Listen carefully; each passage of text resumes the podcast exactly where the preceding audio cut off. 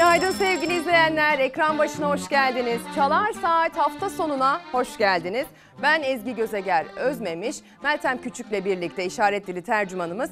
Bugün size Türkiye'den ve dünyadan gelişmeleri aktarmak için tüm hazırlıklarımızı size e, sunmak için karşınızdayız. Her cumartesi pazar olduğu gibi bugün ayın artık 8'i. 8 Ocak oldu sevgili izleyenler. 8 Ocak sabahında ne bilmeniz gerekiyorsa hepsi burada olacak. İlerleyen dakikalarda sıkıntılarınızdan, sıkıntılarımızdan, içinde bulunduğumuz pek çok durumdan, ekonomiden, sağlıktan, e, bir takım örgütsel mücadelelerden, toplumsal mücadelelerden, toplulukların verdiği hak savaşlarından bahsedeceğiz. Hak mücadelelerinden bahsedeceğiz ve aynı zamanda aslında içinizi de ısıtacak hayatın içinden e, insan manzaraları, Türkiye manzaralarını da ekrana getirme şansına sahip olacağız. Her sabah olduğu gibi gazetelerimizden, e, yazılı e, medyadan size haberleri aktardığımız gibi kendi görüntülerimizi, hazırlıklarımızı da size derleyip aktarıyor olacağız efendim. Dün akşam saatlerinde bir olay yaşandı. Biliyorsunuz e, Sarıkamış şehitlerini anmak için herkesin Kars'ta Sarıkamış'a akın ettiği tarihler içindeyiz. Dün sabah saatlerinde biz de yaptığımız özel hazırlıklarla o anmaya destek verdik. Biz de buradan o şehitlere dua ettik. Onları andık saygıyla, rahmetle, minnetle. Bu saygıyı göstermek için, bu anma törenlerine katılmak için bölgeye gidenler kaldıkları bir otelde faciayı yaşadılar.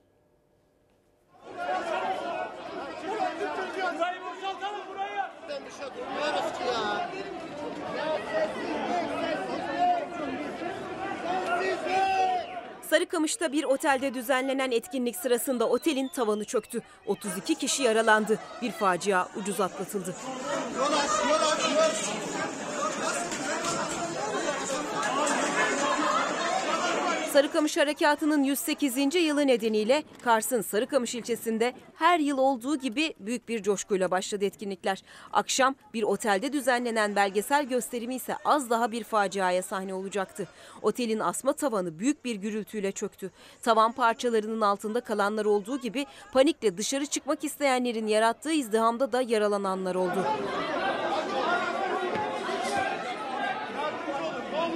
Olay yerine sağlık, polis, itfaiye ve jandarma ekipleriyle çok sayıda ambulans sevk edildi. Olayda yaralanan 32 kişi Sarıkamış Devlet Hastanesi'nde tedavi altına alındı. 23 kişi taburcu oldu. Etkinlikler için kentte bulunan Gençlik ve Spor Bakanı Mehmet Muharrem Kasapoğlu ve Kars Valisi Türker Öksüz de olay yerindeydi. Otelin konferans salonundaki alçıpan tavanın tedrici olarak çökmesi sonucu bir e, yaralanma ağırlıklı bir durum söz konusu. Allah'a şükürler olsun. Herhangi bir can kaybımız yok. Önemli bir yaralımız yok. Hayati tehlikesi olan yaralımız yok.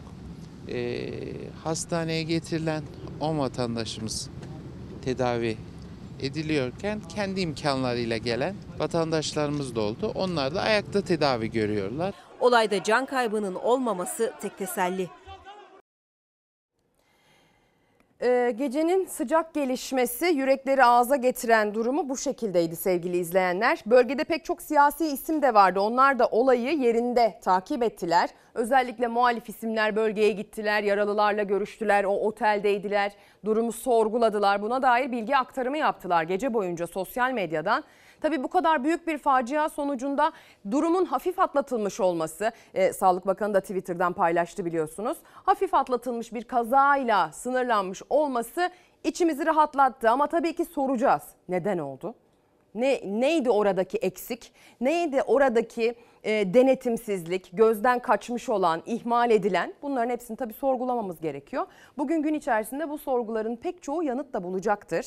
Çünkü olay şu an çok sıcak. E, sadece saatler geçti üzerinden. Bizim de bir gözümüz bir kulağımız orada olacaktır. Yaralılardan gelecek iyi kötü haberlerde olacaktır efendim. Şimdi biraz seçimden bahsedeceğimiz bir haberle devam edeceğiz. Çünkü biliyorsunuz Cumhurbaşkanı Erdoğan seçim tarihiyle ilgili birazcık öne çekebiliriz dedi. Ee, sonrasındaysa bir diğer söz sarf etti ki o da aslında bu tarihle ilgili fikir verir nitelikteydi. Seçimlere 5 ay kaldı şeklinde konuştu. Biliyorsunuz Sayın Erdoğan adaylığını çoktan açıkladığı için çoktan sahada seçim çalışması yapmaya başlamış Bir cumhurbaşkanı adayı aynı zamanda. Ee, dolayısıyla bu mitinglerde hangi sözü sarf ettiği, kime ne müjde verdiği de tabii çok konuşuluyor. Ee, dün itibariyle verdiği müjdelerden biraz bahsetmek gerekirse çiftçiye krediyle borçlanma müjdesi verdi. Bir de Antalya Manavgat'ta geçtiğimiz yaz değil ondan önceki yaz geçen yıl deniyor ama en az bir buçuk yıl oldu. Bir buçuk yıl önce pek çok köyde yaklaşık 900 kişinin evi ahırı yanmıştı. Ona dair e, teslimatlar yapılıyor. Yaklaşık yarısı tamamlanmış bir buçuk yıl içerisinde yanan evlerin, köylerin. Onları şimdi sahipleriyle buluşturuyorlar. Buradaki müjdede evleri ücretsiz vermek şeklinde değil yanlış anlamayın. E, maliyetinden indirim yaparak ve işte ödeme erteleyerek vermek şeklinde bir müjde oldu. E, biliyorsunuz müjde kelimesi biraz anlam kaymasına uğradığı günlerden geçiyor. Hadi gelin o zaman Altılı Masa'nın adayı kim olacak sorusunu da vurguladığı ve 5 ay sonra olacak seçim şeklinde çıkış yaptığı e, Sayın Cumhurbaşkanı Erdoğan'ın o mitingine ve aldığı tepkilere gidelim.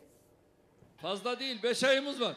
5 ay durmak yok ve sandıkları gümbür gümbür patlatmaya hazır mıyız? Siyasette erken seçim tartışması sürerken Cumhurbaşkanı Erdoğan bir kez daha seçime 5 ayımız kaldı diyerek tarih verdi. 5 ay sonrası ise Mayıs ayının ilk haftaları yani normal seçim takviminden yaklaşık bir ay öncesi. Biz bu işi başaracağız. Vallahi başaracağız. Billahi başaracağız. İddia ediyorum bu seçimi alacağız. Eğer demokrasi adına hareket ediyorsanız buyurun 6 Nisan'dan sonra seçimler yapılsın. Baraj %7 olsun. Cumhur İttifakı yeter ki samimi bir biçimde desin ki ben bu siyaset mühendisliklerinden vazgeçiyorum. Sizin talebinizi aldım, doğru buldum, ben yanlış yapmışım. Gelin 6 Nisan'dan önce bir erken seçim yapalım desin. Muhalefet 6 Nisan öncesi yapılacak bir erken seçim kararına yeşil ışık yakarken yeni seçim kanununun yürürlüğe gireceği 6 Nisan sonrası bir erken seçime kapıyı kapatıyor. Cumhurbaşkanı Erdoğan seçim tarihini güncelleyebiliriz demişti. Yeni günde seçime 5 ay kaldı dedi.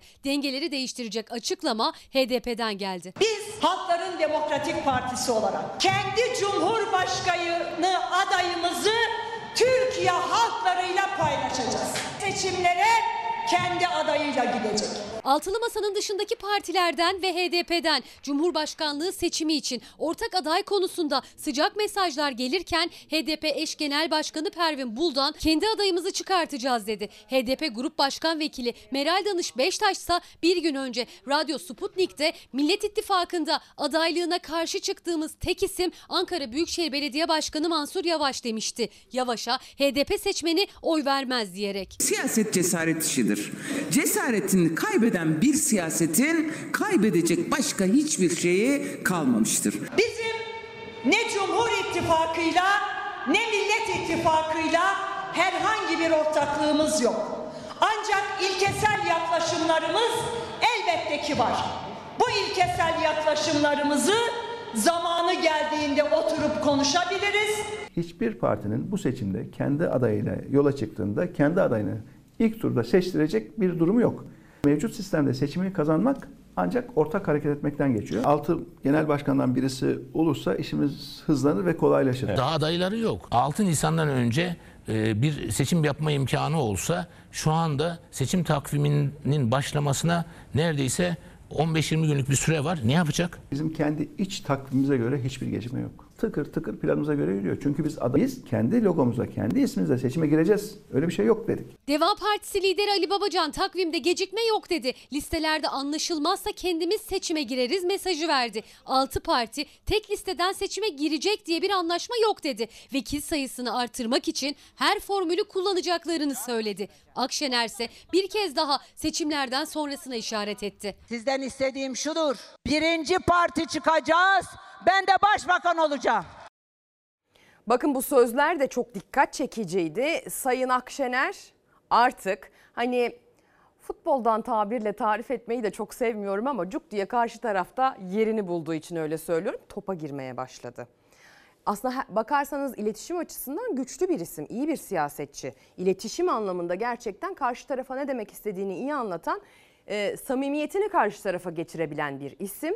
Ama son dönemdeki çıkışlarındaki sivrilik eminim sizin de dikkatinizi çekmiştir. Hatta e, altılı masanın iki büyük ortağı olarak görülen İyi Parti ve CHP arasında bu tavır değişikliğinin gerginliğe sebep olduğuna dair iddialar, kulis bilgileri ya da sosyal medya yorumları da dolaşmıyor. Değil. Belki de şöyle yorumlamak lazım. Sayın Akşener bu zamana kadar sadece e, kendi potansiyelini çok göstermiyordu ki aslında yine de başarılı bir iletişim dili vardı.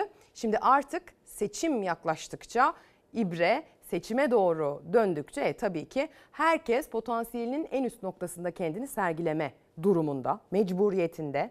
Dolayısıyla böyle bir durum söz konusu. Yani aslında bu kimsenin üzerine alınacağı bir durum değil. E söylediklerinde de çok haksız değil Sayın Akşener ve diyor ki biz birinci parti çıkacağız ve ben başbakan olacağım diyor. E birinci parti çıkma iddiasında olmayan yönetme, iktidar olma iddiasında olmayan da siyasete zaten girmesin. Yoksa siyaset başka neden yapılır öyle değil mi? Şimdi devam edeceğiz. İzmir'de e, bir kaza maalesef yaşandı. Onun haberiyle bir İzmir'e gidelim. Sonra geri dönüşte etiketimizi verelim, sosyal medya başlığımızı atalım. Bir de gazete başlıklarına bakmaya başlayalım.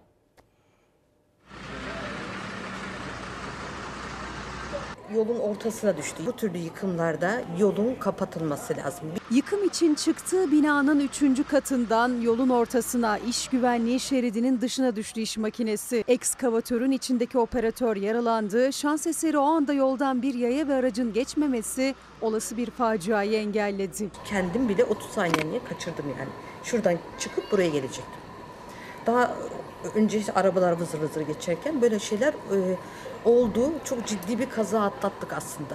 İzmir Balçova'da mini ekskavatör 4 katlı bir binanın yıkımına başladı. Üçüncü kata gelindiğinde ise hesaplamaların ve önlemlerin yanlış olduğu ortaya çıktı. İş makinesi yıktığı zeminde tutunamadı, aşağı düştü.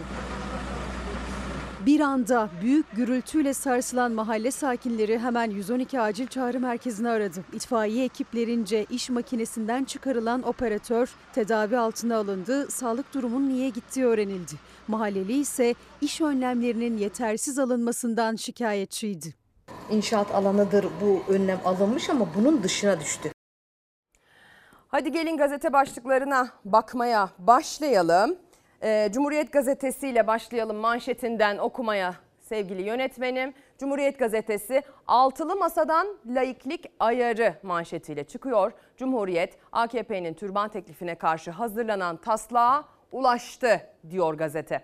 İnanç sorgulanamaz tırnak içindeki başlık. AKP'nin başörtüsü serbestisine ilişkin anayasa değişikliği önerisine karşı kendi metnini hazırlayacağını açıklayan altılı masa düzenlemeye laiklik rötuşu yapacak. Teklifte yer alan dini inanç ifadesi çıkarılacak. Böylece laikliğin güçlenmesi sağlanacak ve inanç sorgulamasının da önüne geçilecek.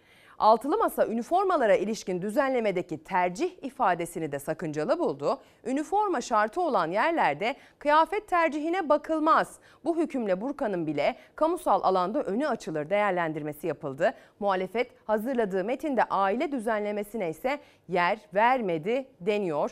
Bu anlamda çekişmeli bir pazarlık, çekişmeli bir koz alışverişi devam ediyor iktidarla muhalefet arasında. Biliyorsunuz gollük pas şeklinde değerlendirdi Sayın Cumhurbaşkanı e, ana muhalefet lideri Sayın Kılıçdaroğlu'nun yaptığı türban çıkışını e, sonrasında ise anayasa değişikliğine kadar bu mesele gitti ve herkes şu ihtimalden çok endişe etti muhalefet cephesinde. Macaristan'da olduğu gibi Macaristan'da da özellikle eşcinseller üzerinden bir infial yaratılarak e, seçim sandığına eşcinsellikle ilgili referandum sandığı payanda yapıldı. Bir şekilde bu referandum sandığının bu referandum sandığına etki etmesi sağlandı. Yani kimi seçeceğine karar verirken insanlar eşcinsellik konusundaki bakış açısını birincil kriter olarak seçtiler iki sandık yan yana koyunca. Bu birincil kriter haline gelince de e, işin içine tabii ki başka resimler girdi sevgili izleyenler. Ve e, yönetim şeklinin aslında ne kadar otoriter fazlasıyla olması gerekenin ötesinde otoriter olduğu bilinen e, Orban tekrar seçildi. Dolayısıyla yine benzer bir senaryonun Türkiye'de de gerçekleşme ihtimali konuşulur hale geldi. Bu başörtüsü, türban, burka ne diyorsanız hepsi tabii ki farklı anlamlar içeriyor. Ama aynı şekle şemale girip adına farklı e, yaklaşanlar da yok değil. Bakalım ilerleyen günlerde bu meclise geldiğinde nasıl bir şekil ortaya çıkacak? Cumhuriyet Gazetesi konuyu manşetten aktarıyor. Bir diğer gazeteyle devam edelim. Madem türbandan, burkadan bahsettik. Milliyet Gazetesi'nin manşeti önemli. Kadının dini, dili, ırkı, e, mezhebi ya da efendim hangi ülke coğrafyasında, hangi topraklarda yaşadığı önemli değil.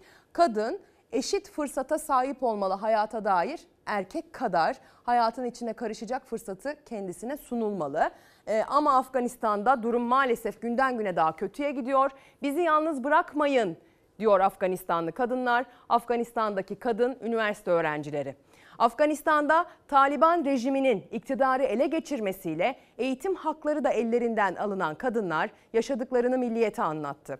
Afganistan'da kadınların üniversitede eğitim alması geçen ay yasaklandı. Ekonomi son sınıf öğrencisi olan 22 yaşındaki AK duygularını şöyle anlattı. Üniversitelerde kadınların eğitim hakkına son verildiğini duyduğum gün güneşsiz kara bir gündü. Bütün emeklerimizin bir kararla boşa gittiğini öğrenmek çok üzücü. Tüm dünyaya sesleniyorum. Afgan kadınlarını yalnız bırakmayın, sesimizi duyun. Mühendislik Fakültesi 2. sınıf öğrencisi olan 21 yaşındaki KM de karara çok üzüldüğünü belirterek şunları aktardı. Topraklarımda haklarım dikkate alınmıyor. Afgan kadınlar ülkelerinde 3. sınıf olarak görülüyor. Herhangi bir değerimiz yok. Ülkeyi terk etmeyi şimdiye kadar düşünmesem de fikrim değişti. Gitmem gerektiğini düşünüyorum. Kalırsam ruhum çürür. Siz nasıl olur da bir kadının sırf kadın olduğu için ne yapacağına karar verme yetkisini kendinizde bulabilirsiniz. Bunun bir diğer örneği İran'da yaşanıyor. Son 4 aydır İran'da biliyorsunuz Mahsa Amini'nin şüpheli şekilde ölmesinden sonra başörtüsünü doğru takmadığı için gözaltındayken eylemler başladı, protestolar başladı. Protestolar sanki sadece kadınların başörtüsü takıp takmamak üzerinden talep ettiği bir özgürlükmüş gibi algılanmak istendi. Böyle yansıtılmak istendi. Neyse ki bu var sevgili izleyenler. Neyse ki bu var. Neyse ki bu var. Neyse ki artık internet var. Bilginin şeffaflığı ve ulaşılabilirliği var. Çünkü eskiden olsaydı sadece devlet televizyonu İran'da ne söylüyorsa dünyada onu bilecekti. Sokaklar karışsa da, insanlar şüpheli şekilde ölse de öldürülse de artık dünya biliyor ki İran'da gerçekten e, söylenenin ötesinde bambaşka bir durum var. Eylemler hiçbir şekilde hız kesmiyor. Farklı illerde, farklı noktalarda, farklı vesilelerle insanlar tepkilerini ortaya koyuyorlar. Ve üstelik artık anlaşıldı, bütün dünyanın idrak ettiğini düşünmek istiyorum. Bu sadece kadının ne giydiğiyle ilgili talep ettiği bir özgürlük değil.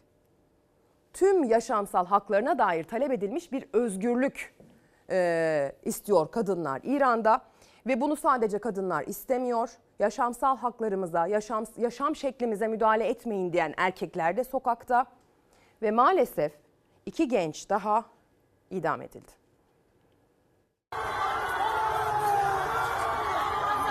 Tahran batıdan gelen çağrıları duymazdan geldi. Göstericilere verilen ölüm cezalarını infaz etmeyi sürdürdü. Mahsa Amini protestolarına katılan iki gösterici daha idam edildi.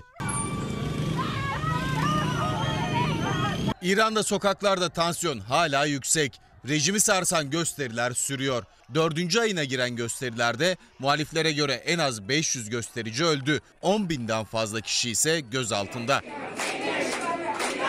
İran yargısı tutuklanan göstericileri yeryüzünde bozgunculuk çıkarmak ve devlete karşı savaş açmak gibi suçlamalarla yargıladı. Onun üzerinde göstericiyi idam cezasına çarptırdı. O göstericilerden ikisinin cezası infaz edildi. İran medyası idam edilen iki kişinin bir güvenlik görevlisinin öldürülmesinden suçlu bulunduğunu duyurdu. Aynı davada 16 kişinin yargılandığını, 5 kişinin idama mahkum edildiğini yazdı. İdam cezası verilen 3 kişi hakkındaki karar dosyadaki eksikler nedeniyle bozuldu ve yeniden yargılama yolu açıldı. Son infazların ardından İran'da idam edilen göstericilerin sayısı dörde yükseldi. Uluslararası sivil toplum kuruluşları Tahran yönetimine idamları durdurma çağrısını yineledi. Bu çağrılara kayıtsız kalan rejim cezaları infaz etmekte kararlı olduğunu açıkladı.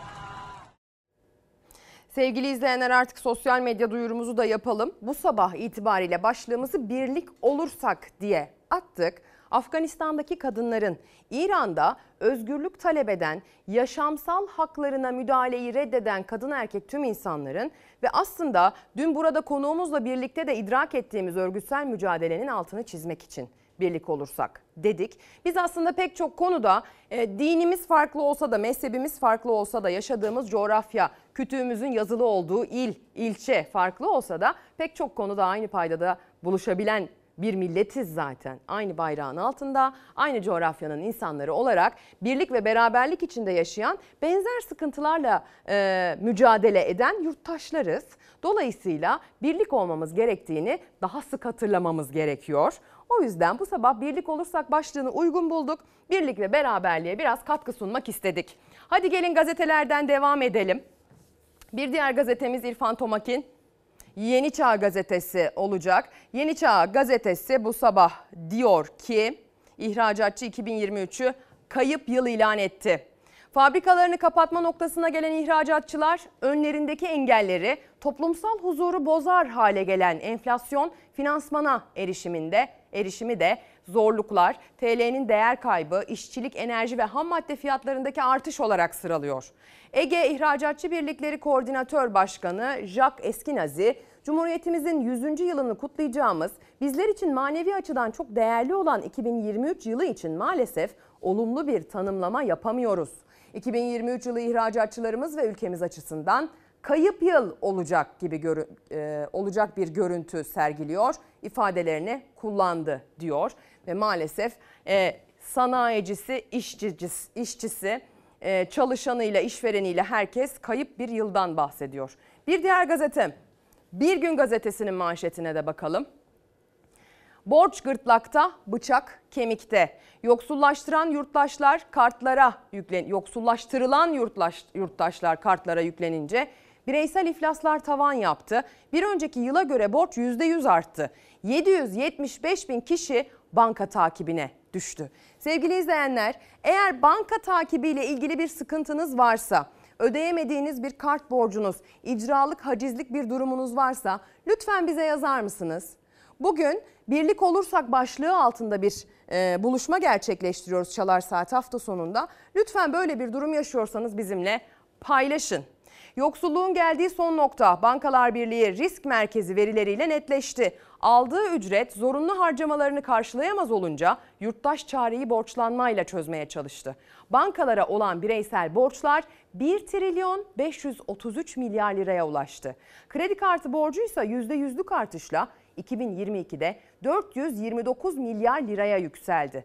Takibe düşen kişi sayısı 351 binden 775 bine çıktı. Kartla en çok gıda başta olmak üzere zorunlu harcamalar gerçekleştirildi. Kredi kartına ödenen faiz miktarı 2022'de 166 milyar liraya çıktı. Kredi kartı borçlarının halkı nasıl yoksullaştırdığını ortaya koyduğunu savun yoksullaştığını ortaya koyduğunu savunan CHP milletvekili Ahmet Vehbi Bakırlıoğlu geliri giderine yetmeyenler mecburen kredi kartı kullanıyor. AKP iktidarı nas diyor, faize karşıyız diyor ama vatandaş yüksek faiz altında inim inim inliyor. Yapılan maaş artışları da çoktan eridi yorumunda bulundu. Peki Kredi Yurtlar Kurumu'na dair borçlarınızı ödediniz mi? Üniversitedeyken Kredi Yurtlar Kurumu'na dair bir hak kazanımınız, aylık kredi e, ödemelerinden faydalanma durumunuz oldu mu? Milyonlarca üniversite öğrencisi ve mezunundan söz ediyoruz KYK borçları ile ilgili sevgili izleyenler. Faizlerin silineceğini söylemişti Cumhurbaşkanı Erdoğan. Hatırlarsanız Sayın Kılıçdaroğlu'nun dile getirip iktidarın aksiyon aldığı konu başlıklarının ilkiydi KYK. Son durum ne bakalım mı? Kredi geri ödemelerinin herhangi bir enflasyon farkı veya faiz uygulaması olmaksızın sadece alınan kredi rakamı üzerinden yapılmasını kararlaştırdık. Yani ana para. Yapılan açıklamadan ne anlamıştınız? Biz anladığımız kadarıyla hem faiz silinecekti hem de gecikme zamlarıyla beraber silinecekti. Tabii hiç umduğumuz gibi olmadı. Ana paramı hemen ödemek için gittiğimde 20 bin liralık bir faizim aynı şekilde durduğunu görünce büyük bir şok yaşadım açıkçası. Gene ödeyemedim. Cumhurbaşkanının bu konuda yaptığı açıklamaları tekrar tekrar izledim. Bir yanlışlık mı var diye. Cumhurbaşkanı Erdoğan'ın yaptığı açıklama KYK borçlarında sadece ana paranın kalacağı yönündeydi. Öyle olmadı. KYK borcu olan öğrenci ve mezunların borçlarında küçük bir miktar silindi sadece. Gecikme zammı başlığında binlerce lira ödenmeyi bekliyor. Vergi dairesine geldiniz. Nasıl bir tabloyla karşılaştınız? Toplamda 2500 lira borcum endekslenmiş gözüküyor. Toplamda 15 bin liraymış, 15.254 lira. 2527 lirası indirim yapılmış, 12.369 lira ana paradan ödeme çıkıyor şu anda. KYK mağdurları kendilerine verilen müjdenin ardından gecikme faizlerinin tamamının silindiğini ve sadece ana para borçlarını ödeyeceklerini düşünerek vergi dairelerine geldiklerinde büyük bir sürprizle karşılaştılar. Çünkü faizlerinin sadece çok küçük bir kısmı silinmişti. Ödemek zorunda oldukları binlerce hatta on binlerce liralık faiz silinmedi hala duruyor. 7800 lira olan lisans eğitimimin e, gecikme zammı 9355 TL. Sadece endeks tutarı 579 TL silinmiş. Yüksek lisans eğitimimde ise ana para 15120 lirayken e, 10815 lirada gecikme zammı işlenmiş. Ve buradan sadece 489 liralık bir indirim yapılmış. İsterseniz onu da gösterebilirim burada. Öğrencilerimiz de artık sadece aldıkları kredi rakamı kadar sorumlu olacaklar. Silinen sadece endeks tutarı, onun da miktarı toplam borca göre değişiyor ama binlerce liralık gecikme zammının yanında çok küçük kalıyor. Çok komik, çok cüzi rakamlar. 20 bin liralık bir faiz borcunun olduğu bir yerde 500 lira, 1000 liralık indirim hiçbir işe yaramıyor açıkçası ve mağduriyet bence aynen aynı şekilde devam ediyor ve burada kandırılmış gibi hissediyoruz kendimizi açıkçası. Ödenemeyen o yüklü borçlara faiz işlemeye devam ediyor. Takibe düşen KYK borçlularının hesaplarına bloke koyuluyor ya da haciz işlemleri başlatılıyor. O yüzden benim borcum hala güncel olarak aynı duruyor. Bir şey değişmemiş. Peki ödeyebilecek misiniz? Çok zor. Gerçekten çok zor. Ev kiraları İstanbul'da belli. Asgari ücret 8500 lira. Annem ve babamın emekli maaşı bir asgari ücret etmiyor. Ve benim borcum 10 bin lira. E yakında icraya bile gelirlerse hiç şaşırmam yani. Ben de 10 bin lira olarak son taksidini ödemiştim. Faiz, faiz, faiz. Yapılandır, yapılandır falan filan. Hep aynı yollardan geçtik yani. O yüzden birlikten, beraberlikten bahsederken bu kadar kolay kuruyoruz cümleleri sevgili izleyenler. Yaşadığınız sıkıntılarda yalnız değilsiniz. Birlik olursak bu meseleleri birlikte çözebiliriz. Ee, örgütlü mücadelenin sonucunu alan EYT'liler çok güzel bir örnek karşımızda. Her ne kadar EYT ile ilgili ülkedeki emekli sayısının bir anda 2 milyon 250 bin kişi artması ile ilgili bir takım ekonomik soru işaretleri kafamızın bir kenarında olsa da bir demokrasi mücadelesi midir? Örgütlü mücadeleden sonuç mu alınmıştır? Evet alınmıştır. Dolayısıyla bunu örgütleyeni de bu örgütün verdiği mücadeleyi de gerek sahada gerek sosyal medyada e, takdir etmek lazım, örnek almak lazım aslına bakarsanız. Bir diğer mücadele ise memurların verdiği mücadele olacak. Bir diğer mücadele emeklilerin verdiği mücadele sevgili izleyenler. Buna dair haberleri aktaracağız. Cumhuriyet Gazetesi emekliden zam çağrısı başlığıyla ilk sayfasından bakın nasıl bir haber aktarıyor. Her şeyin fiyatı arttı ama bayram ikramiyesi yerinde saydı. Bayram ikramiyesi enflasyona yenildi. 2018-2023 arasında tüketici fiyatları %244 arttı. İkramiye artışı %10'da kaldı. Oysa her yıl güncellense 1100 lira olan ikramiye 3447 lira olacaktı. Emekliler 2018'de ikramiye ile küçük baş kurbanlık alırdık. Şimdi otobüs bileti alamıyoruz şeklinde konuştu deniyor Mustafa Çakır'ın haberinde. %30 zam hatta %25 artı 5 şeklinde gelen %30'luk memur ve emekli zammı çok ciddi tepkiyle karşılaştı. Aldığı tepkiler karşısında artı %5 vermek durumunda hisseden iktidar yöneticiler... E, hani ilave zamma rağmen bu tepkileri dindirebilmiş görünmüyor. Bizimle dalga mı geçiyorsunuz diye soran memurlar 12 Ocak'ta sokağa inmeye hazırlanıyor. Bütçeden hakkınızı aldınız mı? Yeni konfederasyonlarla birlikte alanlardayız. 200 bin kişilik bir kitle eder, kamu çalışanı eder. Dalga geçer gibi bir zam dalga geçer gibi bir sendikacı ayakta alkışlayan ve yandaşları. Yaklaşık 200 bin kamu çalışanı 12 Ocak'ta iş bırakmaya, meydanlara çıkmaya hazırlanıyor. Masadaki yetkili sendika Memursen hükümetin %30'luk zammını alkışlasa da Birleşik Kamu İş ve 7 konfederasyon %30'luk zamma ses yükseltecek. %30'luk zam oranını söylemek için alanlarda olacağız. Yeni bir maaş ve ödeme düzenlemesi talebiyle alanlara çıkacağız. 2023 yılı Ocak ayı maaş artışlarının %30 olarak uygulanacağı müjdesini veriyoruz. Bakın öğretmenin, eğitimcinin sofrasından kaç ekmek eksilmiş? 3600 adet ekmek alabilirken 2002 yılında ekmek ya ekmek temel ihtiyaçtan bahsediyoruz. 2023 yılında 2825'e düşmüş. Neredeyse 800 ekmeğimiz soframızdan alınmış. Kim aldı bu ekmeğimizi bizim soframızdan?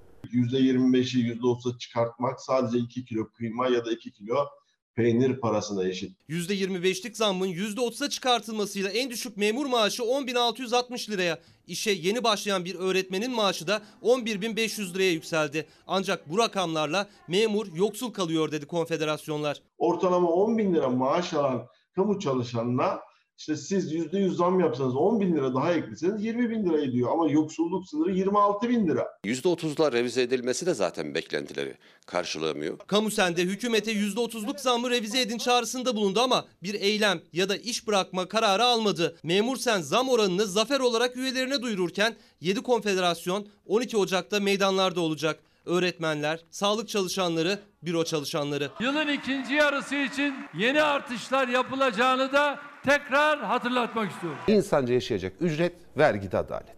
Senenin başında aldığımız maaş senenin sonunda eriyor. Kaşıkla verdiklerini kepçeyle alıyorlar. Tüm konfederasyonların ortak talebi vergi diliminin %15'e sabitlenmesiydi. Kira yardımı, gıda yardımı konusunu gündeme taşımak için alanlarda olacağız. Konfederasyonlar 12 Ocak'ta sadece %30'luk zamma ses yükseltmeyecek. Vergi dilimlerinin sabitlenmesi, gıda, giyim, kira gibi özlük hakları için de hükümete seslenecek. Gözlerse Memursen ve Kamusen'in bu eylemlere destek verip vermeyeceğinde.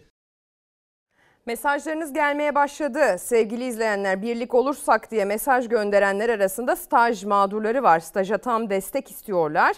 Çıraklık adaletsizliğinin giderilmesini örgütlü toplum için e, güçlü toplum diyerek örgütlenerek adalet istediklerini dile getiriyorlar gönderdikleri mesajda.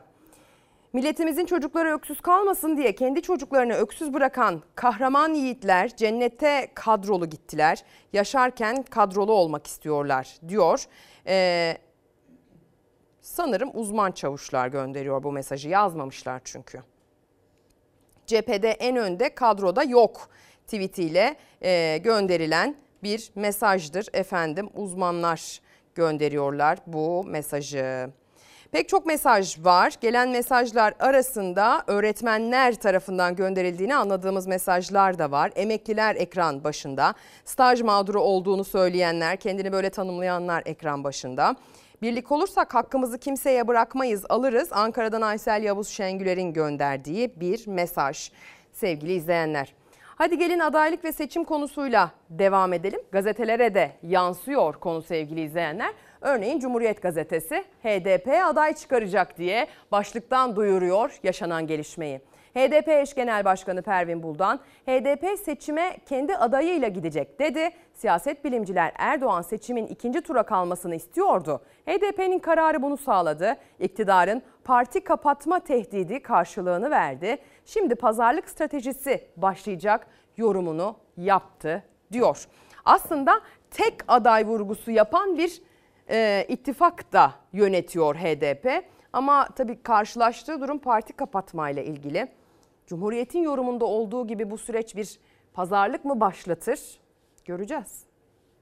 Anayasa mahkemeleri parti kapatma ve hazine yardımına ilişkin kararları alırken karar nisabı 3'te 2 nitelikli çoğunluktur. Esası hakkında nitelikli çoğunlukla karar veren mahkeme tedbir niteliğindeki bir ara kararda da aynı usul ve aynı nisapla karar vermek yükümlülüğü içerisindedir. Hazine yardımımızı bloke edebilirler ama halkın iradesini bloke edecek olan hiçbir güç yoktur HDP'nin hazine yardımı hesaplarına bloke koyan Anayasa Mahkemesi kararının 7'ye karşı 8 oyla alınmasına itirazlar, tepkiler. Muhalefet AYM kararı nitelikli çoğunlukla alınmalıydı derken Cumhurbaşkanı Başdanışmanı Mehmet Uçum karar için salt çoğunluk yeterli dedi. Yapılan itirazlar anayasaya aykırı. Verilen bu karar nihai karar mıdır? Hayır. Ara karardır. Dolayısıyla ara kararlarda da Anayasa Mahkemesi salt çoğunlukla hareket edebilir. Bu bir tedbir kararıdır. Davanın esasına ilişkin bir hüküm değildir gibi savunma cihetine gitmek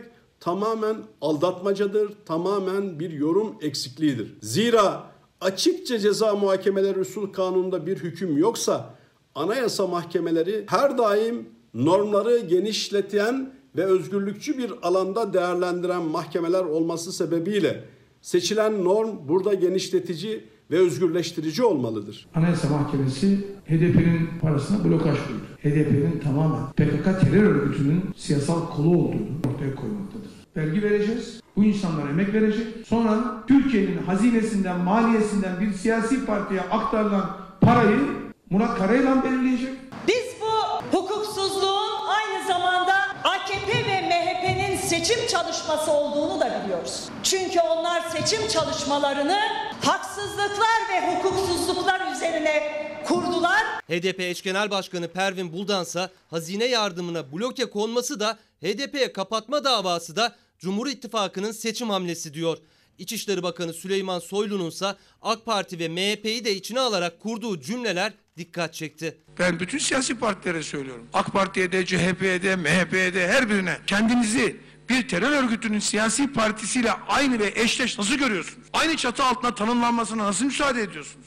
Onlarla siyasal işbirliğine girip onlardan medet umup onlardan gelecek bekleyenler de ayrı bir garabet. Cumhur İttifakı HDP terör örgütünün parlamentodaki uzantısı suçlaması yaparken AK Parti başörtüsü için hazırladığı anayasa teklifine destek için HDP'nin kapısını çalmıştı. Çok tartışıldı. AK Parti'nin ikinci bir destek turuna çıkacağı, yeniden HDP'yi ziyaret edeceği konuşulurken Soylu'nun çıkışı gündeme oturdu. Kimse kusura bakmasın. Eğer biz gerçeği öldükten sonra söyleyeceksek böyle bir imkanımız yok zaten. Ama bu milletin huzurunda doğruları söylemek zorundayız.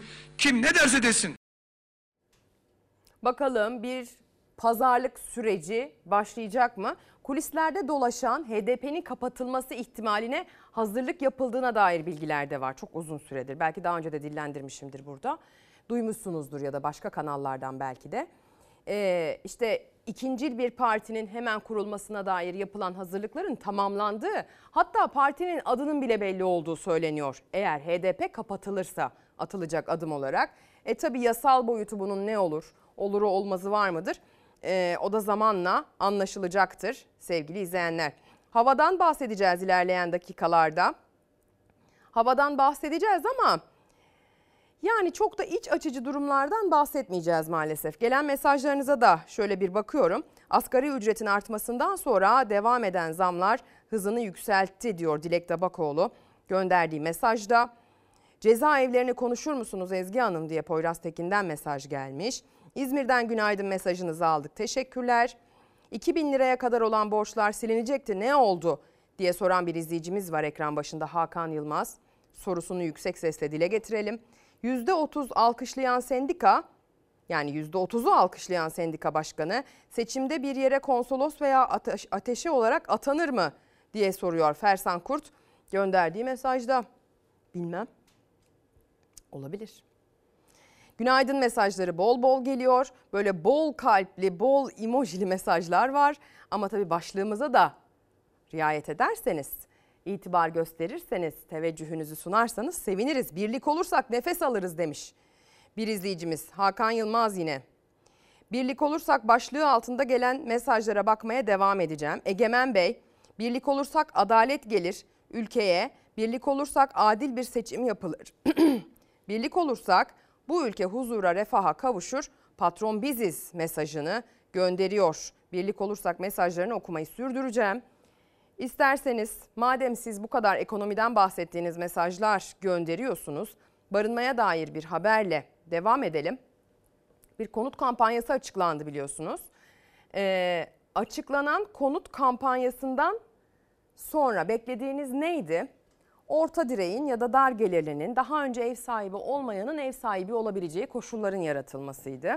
Ama uzmanlar şöyle söylüyorlar. Daha önce de benzerlerini yaşadık. Bu kez de aynısı oldu. Her konut kampanyası açıklandığında fiyatlar artıyor.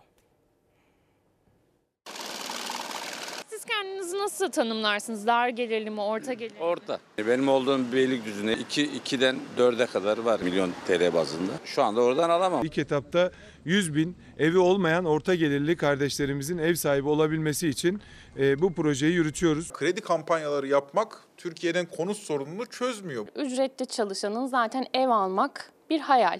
Bu tip kampanyalarda da acaba ev alabilir miyim isteği uyanıyor. Her kampanya bize konut fiyatları ile işçi gelirleri arasında bir kısır döngüye dönüşmüş durumda. 100 bin kişi yeni ev sahibi olacak ama gelecek olan diğer kesimler için ev almak tümüyle artık bir hayale dönüşecek. Hele ki ikinci ele de geçerse kampanya konut fiyatları yeniden yükselecek. Konut kampanyaları ücretli çalışanlar için bir umut olsa da ev fiyatları o kadar yüksek ki dar gelirli gibi orta gelirlinin de ev alabilmesi hiç kolay değil. Üstelik kampanya ile birlikte faizler düştükçe mevcut konut fiyatları da artıyor. Çevre ve Şehircilik Bakanı Murat Kurum sıfır konutlara yönelik kampanyadan sonra ikinci el konutlarda da çalışma yapacağız dedi. Fox Haber ekonomi ve siyaset yorumcusu Ozan Gündoğdu'ya göre yapılacak bu kampanya sıfır konutlarda olduğu gibi ikinci elde de fiyatları şişirecek. İkinci el konutlarla ilgili vatandaşlarımızın e, alabilmelerine imkan sağlayacak çalışmaları yapacağız. Yeni konutların fiyatını arttıracağı için dolaylı olarak ikinci el konutların fiyatı artacaktı. Ama kampanyaya ikinci el konutları dahil etmeniz halinde konut fiyatları topyekün şekilde yukarı yönlü hareket edecekti. Fiyat artışlarına hiçbir şekilde müsaade etmeyeceğiz. Ya ücretlerin artması gerekiyor ya ev fiyatlarının düşmesi gerekiyor. Konut kampanyasının bu anlamıyla bir çare olmadığı açık. Üstelik proje ilk açıklandığında faiz oranı 0.69 olarak duyurulmuştu. Fakat çekilecek kredi miktarına göre faiz oranı da artacak. 0.69 diye tarif edildi ama tutar arttıkça faiz oranının arttığını da görüyoruz. Yani 0.69'dan başlayanı karınca doğası gibi yazıyorlar biliyorsunuz. 0 e, ila 2 milyon arasında kredi kullanacak vatandaşlarımız 0.69'dan, 2 ila 4 milyon arasında kredi kullanacak vatandaşlarımız 0.79'dan, e, yine be, e, 4 ila 5 milyon arasında kredi kullanacak vatandaşlarımız da 0.99'dan kredi kullanabilecekler. Bize konut fiyatlarına ilişkin en değerli toplu verileri Türkiye Cumhuriyet Merkez Bankası derliyor. Türkiye ortalaması %188 artmış. İstanbul'da bu daha da fahiş. %204'lük artış var. Bir metrekare konutun bedeli ne kadar olmuş? İstanbul'da geçen sene 8745 liraymış. Bu sene 26637 liraya çıkıyor. Merkez Bankası verilerine göre İstanbul'da ortalama ev fiyatı 2 milyon 637 bin lira. Ama tüketicinin karşılaştığı fiyatlar resmi verilerinde üstünde. Eve ihtiyaç duyanların sayısı artarken binlerce ev boş halde. Yüksek fiyatlar nedeniyle evler satılamıyor ama aydan aya fiyatları yükseliyor. Yine bir balon yaratacak gayrimenkul sektöründe bu kampanya. Hele ki bu dönemde tabii ki de zor. Hele ki çalışan için ve e, geç saatlere kadar çalışan bir bayan olarak tabii ki zorluyor bizi. Biz 6 kişilik bir aileyiz. Annem kız kardeşlerimle birlikte oturuyoruz. Çalışıyorsunuz. Kendi evinizi alabilir misiniz? Hayır tabii ki de. Kendi evinizi alabilir misiniz sevgili izleyenler? Cevap hayır tabii ki de. Var mı sizin bir cevabınız? Ruhi Becenek birlik olursak başlığının altına şöyle demiş. Aşamayacağımız zorluk birlik olursak elbette yok. Ama bize asgari bile olsa insani şartlarda yaşama ortamına ortamını sağlamakla sorumlu olanların alacağına %122 yeniden değerleme oranı, vereceğine ise %30 zam yapmasını müjde olarak vermelerini ayakta alkışlayanlar oldukça daha başlamadan kaybediyoruz. Bir diğer mesaj. Gönül Boran ekran başında onun da mesajını birazdan okuyacağım sevgili EYT'liler. Ee, söyleyecek çok sözümüz var söylüyoruz ama duymuyorlar. Bu nedenle son sözümüzü söylemek için sandıkları bekliyoruz diyor Ruhi Becenek. Herkese umutların gerçekleşeceği bir pazar günü diliyorum demiş. Ee, EYT Federasyonu Başkanı Gönül Boranza gönderdiği mesajda örgütlü mücadelemizde birlik olduk kazandık. İnşallah resmi gazetede taçlanarak e, alacağız. KYK sözünü ve geçmişte verilen sözlerin yerine gelmediği ya da uzun sürüncemede kaldığına şahidiz.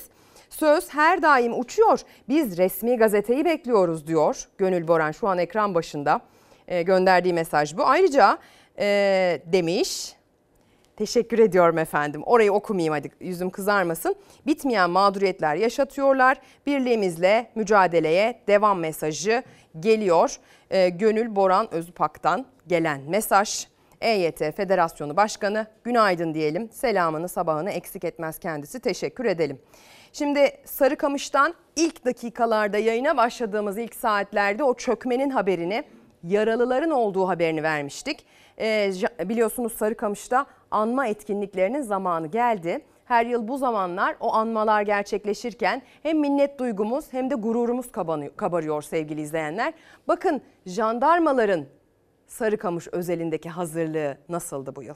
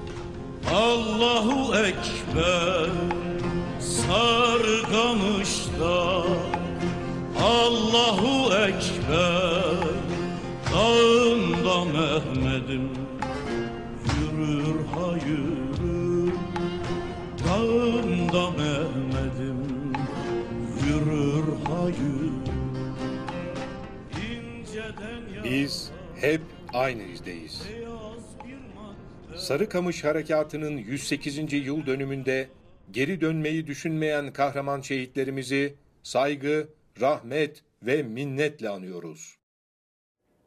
Sarıkamış şehitlerini anarken, Sarıkamış ilçesinden bahsederken, hava durumundan, meteorolojik hadiselerden bahsederken eğer Sarıkamış'ı andıysak hep soğuktan, kardan, kıştan bahsederiz. Metrelerce kardan bahsederiz. O şehitleri anarken o dondurucu soğuktan, kar altındaki mücadeleden bahsederiz sevgili izleyenler. Ama Sarıkamış'ta bile bu sene kar yok. Kuraklık bütün yurdu tehdit ediyor. Yurdun kuzeyi ki biliyorsunuz o bölge Doğu Anadolu bölgesine dahildir ama en kuzey doğudur. Yurdun kuzeyi yaşanan kuraklıktan, yağışsızlıktan en az etkilenen bölgedir. Karadeniz'le birlikte Doğu Karadeniz'in temas ettiği Doğu Anadolu illeri. Ama gelin görün ki orada bile durum böyleyse İç Anadolu bölgesinde, Ege'nin iç kesimlerinde, Güneydoğu Anadolu'da yaşanan kuraklığı siz bir akıl e, tahayyül etmeye çalışın aklınızda sevgili izleyenler. Kuraklık alarmı başlığıyla Milli Gazete konuya ilk sayfadan yer veriyor bugün. Yeraltı su kaynaklarında kuraklık alarmı Konya Ovası'na götürmüş bizi ilk fotoğrafta sol üstte yakın zamanda sadece tarımsal alanda değil kullanma suyu da ihtiyaç gösterecek demiş doktor e, Profesör Doktor Fethullah Arık. Yazısı var su yok. Suya girmek yasaktır tabelasının etrafı artık çayır çimen olmuş. Kuraklık kendini iyiden iyiye hissettirmeye başladı. Koskoca Murat Nehri dereye döndü diye bir de dere fotoğrafı paylaşılmış. Göl tarla oldu derken de Manisa'nın Salihliye ilçesiyle Göl Marmara ilçeleri arasındaki e, Marmara Gölü'nden bahsediyor. Tarım İşletmeleri Genel Müdürlüğü'ne tahsis edilen 35 bin dekarda artık su yok, tarım yapılacak sevgili izleyenler. E, kar zirvelerde dahi yok. E, kar tatili yapmak isteyenleri, kayak sporuna bu mevsimde gitmeye alışık olanları da maalesef üzen bir durumla karşı karşıyayız. Kış turizminin merkezlerinden biri Ilgaz hiç yaşamadığı bir kabusun ortasında. Takvimler kışın ortası diyor ama hala yeterince kar yok. Kayak yapmaya gelenler sadece kızakla kayabiliyor. Türkiye'nin dört bir yanından kuraklık fotoğrafı geliyor. Ilgaz onlardan sadece biri. Kar e, yetersizliğinden dolayı sadece kızakla gördüğünüz gibi kayıyorlar. Bizim çocuklar da kayıyor tabii. Ben sadece kızakla kaydım snowboard'u çok kullanamadım. Ilgaz Dağı Kayak Merkezi'ne gelenler hayal kırıklığına uğradı. Kar kalınlığının yaklaşık 5 santimetre olduğu bölgede kayak yapmak mümkün olmuyor. Türkiye'nin önemli barajlarından Keban Barajı'ndaysa su çekilmesi devam ediyor. Bu alanda avlanmak, yüzmek ve suya girmek yasaktır yazılı tabelayla su arasında kuraklık sonucu yaklaşık 2 kilometrelik mesafe oluştu. Balıkçılıkla beslenen bölge ne yapacağını bilmiyor. Suyumuz yok. Yani şurası suyun dibi, suyun yatağı yani. Şimdiye kadar böyle bir şey görülmedi. Şu anda mesela bizim teknelerimiz çalışmıyor. Bir kuraklık fotoğrafı da Manisa'dan. Tamamen kuruyan Marmara Gölü'nde artık buğday ve ayçiçeği yetişecek. Eskiden kuş cenneti diye bilinen ve ulusal öneme sahip sulak alan olarak tescilli Marmara Gölü'nde Tarım İşletmeleri Genel Müdürlüğü tarafından tarımsal organik üretim başlatıldı. ülkemizin ihtiyacı olan stratejik ürünlerden buğday ve ayçiçeği yetiştirilecek şekilde faaliyetlerimize başladık. Ama tabii ki kuvvetli sağanak yağışın etkili olduğu bölgelerde var. Küresel iklim değişimi böyle bir şey sevgili izleyenler. Bazı bölgelere kuraklık yaşatıyor, bazı bölgelerde hortumların sayısını arttırıyor. Bazı bölgelerde örneğin Akdeniz'de, Antalya çevrelerinde aslında hiç adet değilken değişen mevsim koşulları artık orayı hortuma, e, aslında meteorolojik tabirle, bilimsel tabirle tornadoya açan e, bir durum oluyor. E, Karadeniz dendiği zaman da küresel iklim değişiminin en büyük etkisinin kuvvetli sağanak yağışlar olduğunu biliyoruz. Evvelsi gün Cuma günü Batı Karadeniz kıyıları, dünse Doğu Karadeniz kıyıları için uyarı vermiştik. Birazdan Rize'ye gideceğiz. Bugünden bahsedelim ama öncesinde bugün itibariyle yağışlar zayıfladı. Doğu Karadeniz'in kıyılarına, en doğusuna, Doğu Anadolu bölgesinin en doğusuna, Güneydoğu Anadolu bölgesinin en doğusuna hatta bölgeyi terk etmecesine bir doğuya çekilme var yağışlarda. Tabii ki Doğu Anadolu bölgesinde sıcaklıklar müsait, düşen kara dönüşüyor. Bulutlar e, yağdırdığı zaman kar şeklinde düşüyor yağışlar. Doğu Karadeniz kıyılarında düne göre daha kuvveti düşük geçiş şeklinde yağışlar olacak. Yağmur şeklinde ama Gümüşhane Bayburt dediğiniz zaman iç ve yüksek kesimlere doğru biraz yaklaştığınızda yağmurun karla karışık yağmura hatta kara dönüştüğünü görüyorsunuz Doğu Karadeniz'de. Doğu Anadolu bölgesinin kuzeyi Kars, Ardahan, Ağrı çevreleri de e, benzer şekilde sevgili izleyenler. İç kesimler Orta Anadolu, Doğu Anadolu bölgesinin batısına sokulacak şekilde bir sis etkili. Ege bölgesi bilhassa iç kesimlerinde Marmara bölgesi özellikle Trakya'da ciddi bir sisli havanın etkisi altında kalmaya devam edecek. Sisli hava kirleticiyi tutar. Eğer hava sisli ise karışım yok demektir. Karışım için ne lazım? Rüzgar ya düşey bir hareket lazım yağış ya da yatay bir hareket lazım rüzgar. İkisi de yok. Eğer kalırsa hava karışmazsa bizim havaya saldığımız bütün kirleticiler üstümüze çöker. Dolayısıyla sisli hava kirli havadır. Eğer solunum yolu rahatsızlığınız varsa sisli havaya karşı dikkat edin. Maske takabilirsiniz. Ne bileyim yaşadığınız ilçeye, semte göre hem bakanlığın hem belediyenin hava ölçümüne dair haritaları var. İnternetten çok kolay ulaşılıyor. Onlara bakabilirsiniz. Ne bileyim çıkacaksanız bir koşuya moşuya vazgeçebilirsiniz. Şimdi bu Doğu Karadeniz'deki kuvvetli sağanak yağışın yaşattığına bir bakalım. Rize'ye bir geçmiş olsun diyelim. Sonra yarından da bahsederiz.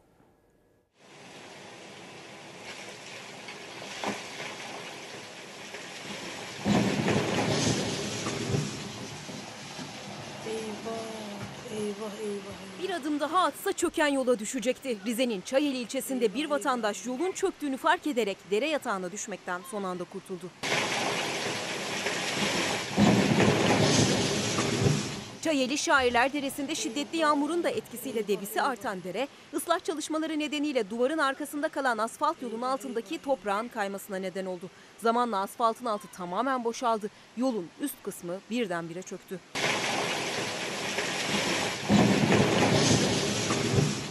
O sırada yoldan geçen bir vatandaş kopan yolla birlikte dere yatağına düşmekten son anda kurtuldu. Eyvah, eyvah, eyvah.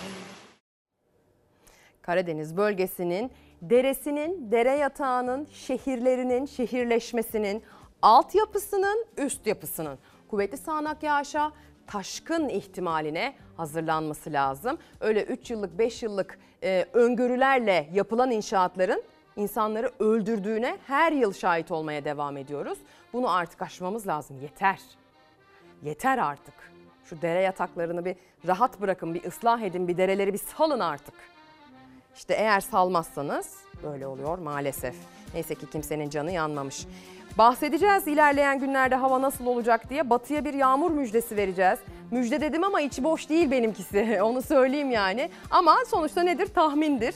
Ee, ama önce bir reklama gidelim. Günaydın sevgili izleyenler. Bir kez daha ekran başına hoş geldiniz. Çalar Saat hafta sonu kaldığı yerden devam ediyor. Reklam arasında daha tabii rahat bakma fırsatım oluyor gönderdiğiniz mesajlara. Birlik olursak başlığının altı hatırı sayılır ölçüde mesaj alıyor. Emekliler olarak ses verip birlik olursak demiş Nabi Kamışlı. Asgari ücretin altına düşen maaşlar yeniden yükseltilebilir belki diyor gönderdiği mesajda. Pek çok farklı ilden bizi izliyorsunuz. Mersin'den mesajınızı aldık, Diyarbakır'dan mesajınızı aldık, Tarsus'tan Derya Şeker ekran başında olan müdavim izleyicilerimizden, Adıyaman'dan mesajınızı aldık sevgili izleyenler. Pek çok mesaj farklı illerden geliyor günaydınla başlayarak, birlik olursakla devam ederek. Dar gelirli vatandaş ne olacak? Ekmek 5 lira olmuş sorusunu eee, Demir Serkan Demirhan soruyor efendim gönderdiği mesajda. Hani böyle gecenin sıcak gelişmelerini aktarıyoruz ya. Gecenin komik bir gelişmesini aktaralım mı sevgili izleyenler? Koleda deyince e, belki aklınıza gelmiştir neyden bahsedeceğim. Trakya'ya doğru gideceğiz. Kırklareli'de bir Balkan geleneği Koleda. En korkunç kıyafetlerle sokağa çıkıp korkudan neşe buluyorlar.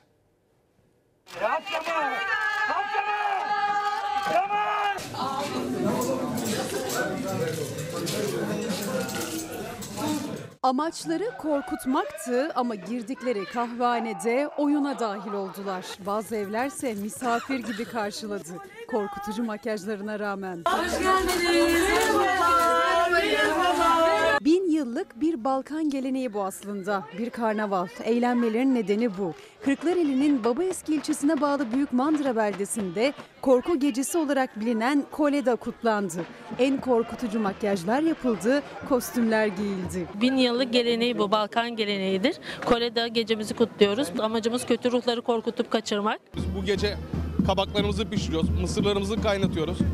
Herkese iyi dileklerimizi sunuyoruz. Büyük Mandıra Belediye Başkanı da kalabalığın arasındaydı. İnanca göre Koleda gecesinde kabak tatlısı pişiriliyor ve bu tatlıdan yiyenlerin gece korkmadıklarına inanılıyor. Pişirmeyenlerin ise camları çalınarak korkutuluyor. Korku gecesi çalınan müzikler danslar eşliğinde devam etti. Sevgili izleyenler Halloween partisi yapınca kızarsınız. Hadi buyurun. Koleda bildiğin Cadılar Bayramı aslında e, Avrupa'nın kutladığı. Muhakkak kültürel, kültürel arası, kültürler arası bir alışveriş de vardır bu e, etkinlik özelinde. Çok da güzel olmuş. İşte birlik olursak birlikte neşeyi de bulabiliyoruz sevgili izleyenler. İlla mücadelede, savaşta, sahada birlik olmaya gerek yok yani. Neşede de birlik olalım. Eğlencede de birlik olalım. E, milli mücadele mesela bir spor müsabakasında milli takımımızın kazandığı başarıda da birlik olalım. Böyle aynı çatı altında buluşmayı e, es geçmeyelim. Böyle bahaneler varsa, böyle vesileler varsa bunları kullanalım. Buna ihtiyacımız var çünkü. Gerçekten çok ihtiyacımız var. Şimdi bir de neye ihtiyaç var biliyor musunuz? Esnafın desteğe ihtiyacı var. Esnaf dediğimiz zaman son dönemde elektrik faturasını, ısınmaya dair doğalgazsa elektrikse faturalarını, stopajıydı, o suydu, bu suydu onları zaten söylemiyorum.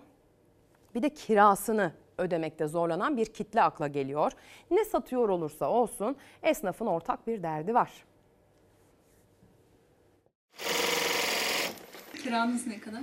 Net e, 3 bin lira artı stopaj. 3750 lira. Benim verdiğim kiraya %70 zam yaptığı zaman aşağı yukarı 5-6 bin lirayı bulacak. E nasıl altından kalkacağım? Şu şartlarda ben dükkanı kapatırım eğer %72 yaparlarsa. TÜİK'in açıkladığı enflasyon verilerine bağlı esnafın kira artışı %72,31 oldu. Hem kirayı hem de faturaları ödemekte zorlanan esnaf kara kara nasıl ayakta kalacağını düşünüyor. Onlardan biri de 50 yıllık terzi Nuri Ateş. Mal sahibi kiraya açıklandığı oranda zam yaparsa ekmek teknesini kapatmayı düşünüyor. Kiranın dışında 500 lira giderim var. Vergi giderim var. Elektrik, su, doğalgaz ne gelecek o da meçhul. 10 yıl önce bu işe başladım. O zaman ilk yaptığımda, yaptığım bir paçada örneğin 10 tane simit alıyordum. Şu anda 3 tane simit alıyorum. Değmez. Yani hamallık yapıyoruz. Geliriyle gideri arasındaki makas sürekli açılıyor. Özellikle de küçük esnafın. En büyük sıkıntısı yüksek kiralar. Çünkü konut kiralarında %25 sınırı iş yerleri için uygulanmıyor. Esnaf için açıklanan kira oranı %72,31. Bu da kiraların katlanması demek. Elektrik faturaları var, maliyetlerimizin artması var. Geçen sene e, 600 ile 700 arasında gelen elektrik faturamız şu an 1500 ve 1800 arasında gelmekte. Kira artış oranlarının sabit kalması lazım konuttaki gibi ki e, esnaflar da en azından bir süre daha dayanabilsin yani kendini döndürebilsin. Yoksa bu şu anki artışlarla çok zor olacak. Bu zamla birlikte 5 bin lira kira ödeyen esnafın kirası 8 bin liraya aşacak. 10 bin lira kira ödeyen esnafın kirası ise tam 17 bin liraya aşacak. Bu sebepten dolayı esnaf tıpkı konutta olduğu gibi kirasında sınır istiyor. Türkiye Esnaf ve Sanatkarları Konfederasyonu da konut kiralarındaki %25 sınırının esnaf içinde getirilmesini talep etti. Bunu artık esnaf kaldıramıyor. Bir tarafta elektrik, doğalgaz, diğer tarafta girdi maliyetinin en önemli kalemi olan iş yeri kiraları. Bununla ilgili çağrımız esnaf işletmelerine ve dükkanlarına da %25, %30 gibi bir uygulamanın getirilmesidir. Herkes elini taşın altına koymalı. İşi olanın derdi çok sevgili izleyenler. İnsanlar işlerini döndürmekte zorlanıyorlar. Dükkanlar rekor seviyede eee, kapanıyor. Bir bakıyorsunuz yıl sonunda her yıl kapanan dükkan oranı bir önceki yıldan çok daha fazla. Her yıl iflasların oranı artarak devam ediyor. E bir de tabii işi olmayanlar var. Eee, Sedat Gülbakan onlardan bir tanesi. E, kış ortasında işsiz olmak kadar zor bir şey yok. Ateş düştüğü yeri yakar vay halimize diye bir mesaj göndermiş. Birlik olursak başlığının altına siyasi bir takım içerikler de gönderiyorsunuz. Mesela Suat Çelikel 8422 kullanıcı adıyla bir izleyicimiz demiş ki birlik olursak altılı masayı iktidara getirmeyiz demiş. Muhtemelen bizim okumayacağımızı zannederek gönderiyorsunuz ama biz hepsini okuyoruz. Hepsini okuyoruz biz. Hadi gelin bir de gazete okuyalım. Sözcü gazetesinin manşetini okumadık. Halkın derdi geçim, iktidarın derdi rant. İBB Başkanı Ekrem İmamoğlu'na yönelik operasyonlara teşhis konuldu. CHP lideri Kılıçdaroğlu iktidarın İmamoğlu'nu görevden uzaklaştırarak İstanbul'da elinden giden rantı geri almanın yollarını aradığını söyledi. Akıl mantık yok dedi diyor sözcü. İstanbul'da dijital emek 4.0 çalıştayına katılan Kılıçdaroğlu AKP iktidarını eleştirdi. İktidarın İstanbul Belediye Başkanı'nı nasıl görevden alırız, rant elimizden gitti nasıl geri alırızın peşinde olduğunu belirten Kılıçdaroğlu akıl mantık yok böyle bir şeyin içinde dedi diyor. Erdoğan seçim tarihini işaret etti diye manşetin altında 5 ayımız var sözleri e, Sayın Cumhurbaşkanı'nın aktarılmış. Birinci parti çıkacağız, başbakan olacağım sözü de çok dikkat çekmişti İyi Parti lideri Meral Akşener'in Muğla'da. Bu da e, yine dikkat çekilen bir başlık, bir detay olmuş bugün Sözcü'nün manşetinde. Bir de e, Sözcü gazetesinin ilk sayfasında bir başka detay var. Ülkücü eski başkan Ateş'in vurulması emrini kim verdi diye soruyor o başlık. Karanlık cinayetle ilgili bu sorunun cevabı merak ediliyor. Eski Ülke Ocakları Başkanı olan doçent Sinan Ateş'in geçen hafta Ankara'da öldürülmesinin ardından 13 kişi tutuklandı. İfadeler ilginç. Tüm şüpheliler cinayetle ilgisi olmadığını ileri sürdü. Benzer ifadeler verdi. Tetikçi Eray Özyağcı'yı çakarlı araçla Ankara'ya götüren özel harekatçı iki polis bu kişinin gerçek ismini sonradan öğrendiklerini söyledi. Tetikçi ise henüz yakalanamadı diyor Sözcü gazetesi. Konuyla ilgili Ankara Cumhuriyet Başsavcılığı da bir açıklama yaptı. Eski Ülke Ocakları Başkanı Sinan Ateş'in öldürülmesiyle ilgili soruşturma kapsamında 3 şüphelinin tasarlayarak kasten öldürme suçundan tutuklanmalarına, iki şüphelinin ise yine talebimiz doğrultusunda adli kontrol şartıyla serbest bırakılmasına karar verilmiştir dendi o açıklamada. Tetiği çekenin haricindekilerden bir kişi daha, iki kişi şu anda aranıyor. Aranan o iki kişiden biriydi. Ülke Ocakları eski başkanı Sinan Ateş suikastının azmettiricisi Doğu Kançe. Sorgusunda cinayeti planlayanlar arasında olduğunu itiraf etti. Amacımız korkutmaktı dedi. Ankara Cumhuriyet Başsavcılığı ise 3 şüphelinin tasarlayarak kasten öldürme suçundan tutuklanmalarına, iki şüphelinin ise adli kontrol şartıyla serbest bırakılmalarına karar verilmiştir açıklamasını yaptı. Sinan Ateş Ocak Başkanı iken bize sahip çıkmadı. Yargıtay'da temiz aşamasındaki bir dosyam için yardım istedim. Ancak yardımcı olmadı. Bunun kızgınlığıyla korkutmak ve gözdağı amaçlı olayı planladık. Öldürme amacımız yoktu. Doğukan Ç. İstanbul Gülsuyu'nda işlenen Hasan Ferit Gedik cinayetinden aranıyordu. Kesinleşmiş 35 yıl 4 ay hapis cezası almıştı. 4 yıldır nasıl yakalanamadığı tartışılırken Sinan Ateş cinayetinin azmettiricisi olarak adı gündeme geldi. Sinan Ateş'e gözdağı vermek istedik iddiasında bulundu. Cinayetin keşifçisi Suat K'nin de gözaltında ifadesi sürüyor. Cinayetten iki gün önce İstanbul'dan Ankara'ya geldiği belirlendi. Cinayet günü Sinan Ateş'i takip ederek tetikçiye anlık bilgi gönderdiği tespit edildi. Milletvekillerinin, bakanların oturduğu en nezih semtte iki gün boyunca araştırıyor, nereden kaçacağına bakıyor. Bunun sorumlusu İçişleri Bakanı'dır. Soruşturmanın selameti açısından elbette ki söyleyeceklerim bu kadardır. İçişleri Bakanı sessiz tetikçi Eray Ö ise hala aranıyor. Soruşturma yeni gözaltılar ve tutuklamalarla genişlerken tutuklular arasında iki özel harekat polisinin olması da dikkat çekmişti. Tetikçiyi Ankara'ya getiren özel harekat polisi AMG'nin de uyuşturucu kaydı bulunduğu belirlendi. Suç kaydına rağmen nasıl polis olduğu araştırılırken tutuklu polisler ifadelerinde cinayet işleneceğinden haberimiz yoktu dedi. Eray Ö bize hastam var ben de sizinle gelebilir miyim masrafa ortak olurum dedi. Kabul ettik. Onu Ankara'ya bıraktıktan sonra bir iki eğlence mekanı gezdik. Sonra İstanbul'a döndük. Eray'ın ismini ve tetikçi olduğunu gözaltına alınınca öğrendik. Tutuklu polisler tetikçiyi tanımıyorduk. Biz Ankara'ya eğlenmeye gittik dediler ama kullandıkları aracın sahibi tutuklu Mustafa U polislerle birlikte cinayetin azmettiricisi Doğukan Ç'nin Ankara'ya düğüne gitmek için kendilerinden aracı aldıklarını söylemişti ifadesinde. Cinayetle ilgili soruşturmada bugüne kadar 18 şüpheliye ulaşıldığı biliniyor. 10 kişi tutuklu. Tüm isimler İstanbul'da gözaltına alındı. Tetikçi Eray Ö dışında polisin peşinde olduğu isimler yakalandı. Ankara Cumhuriyet Başsavcılığı 3 şüphelinin tasarlayarak kasten öldürme suçundan tutuklanmalarına, 2 şüphelinin ise adli kontrol şartıyla serbest bırakılmalarına karar verilmiştir açıklaması yaptı. Yeni gözaltıların gerçekleşmesi olası ama suikast emrini kim verdi, tetikçiyi kim kaçırdı ve saklıyor bu sorulara da yanıt aranıyor. Pek çok soruya yanıt aranıyor sevgili izleyenler ve siyasiler bu konuyu karşılıklı sosyal medya atışmaları şeklinde tartışmaya devam ediyorlar. Pencere gazetesi ya çok rahatlar ya da hazırlıksız yakalandılar masal anlatır gibi şeklinde bir başlıkla bugün konuyu ilk sayfadan genişçe yer vererek manşetten aktarıyor. E, aslına bakarsanız manşetin altı bizim haberimizin içeriğiyle hemen hemen aynı. Semih Yalçın detayı ise şöyle cevap var detay yok şeklinde başlıklandırılmış. Kılıçdaroğlu'nun torbacılar yetmez yanınızdaki çocukları teslim edeceksiniz çağrısına MHP'li Semih Yalçın cevap verdi. Yalçın bizim torbacılarla işimiz olmaz dedi. Suikaste ilişkin detaya girmedi. HDP üzerinden CHP'yi eleştirdi diyor. Siyasiler bunu tartışıyorlar. MHP liderine yükleniyor e, Kemal Kılıçdaroğlu ve karşılıklı atışma bu kez Semih Yalçın üzerinden devam ediyor iki parti arasında. E tabi Sayın Babacan da başka siyasiler de konuya tepkili.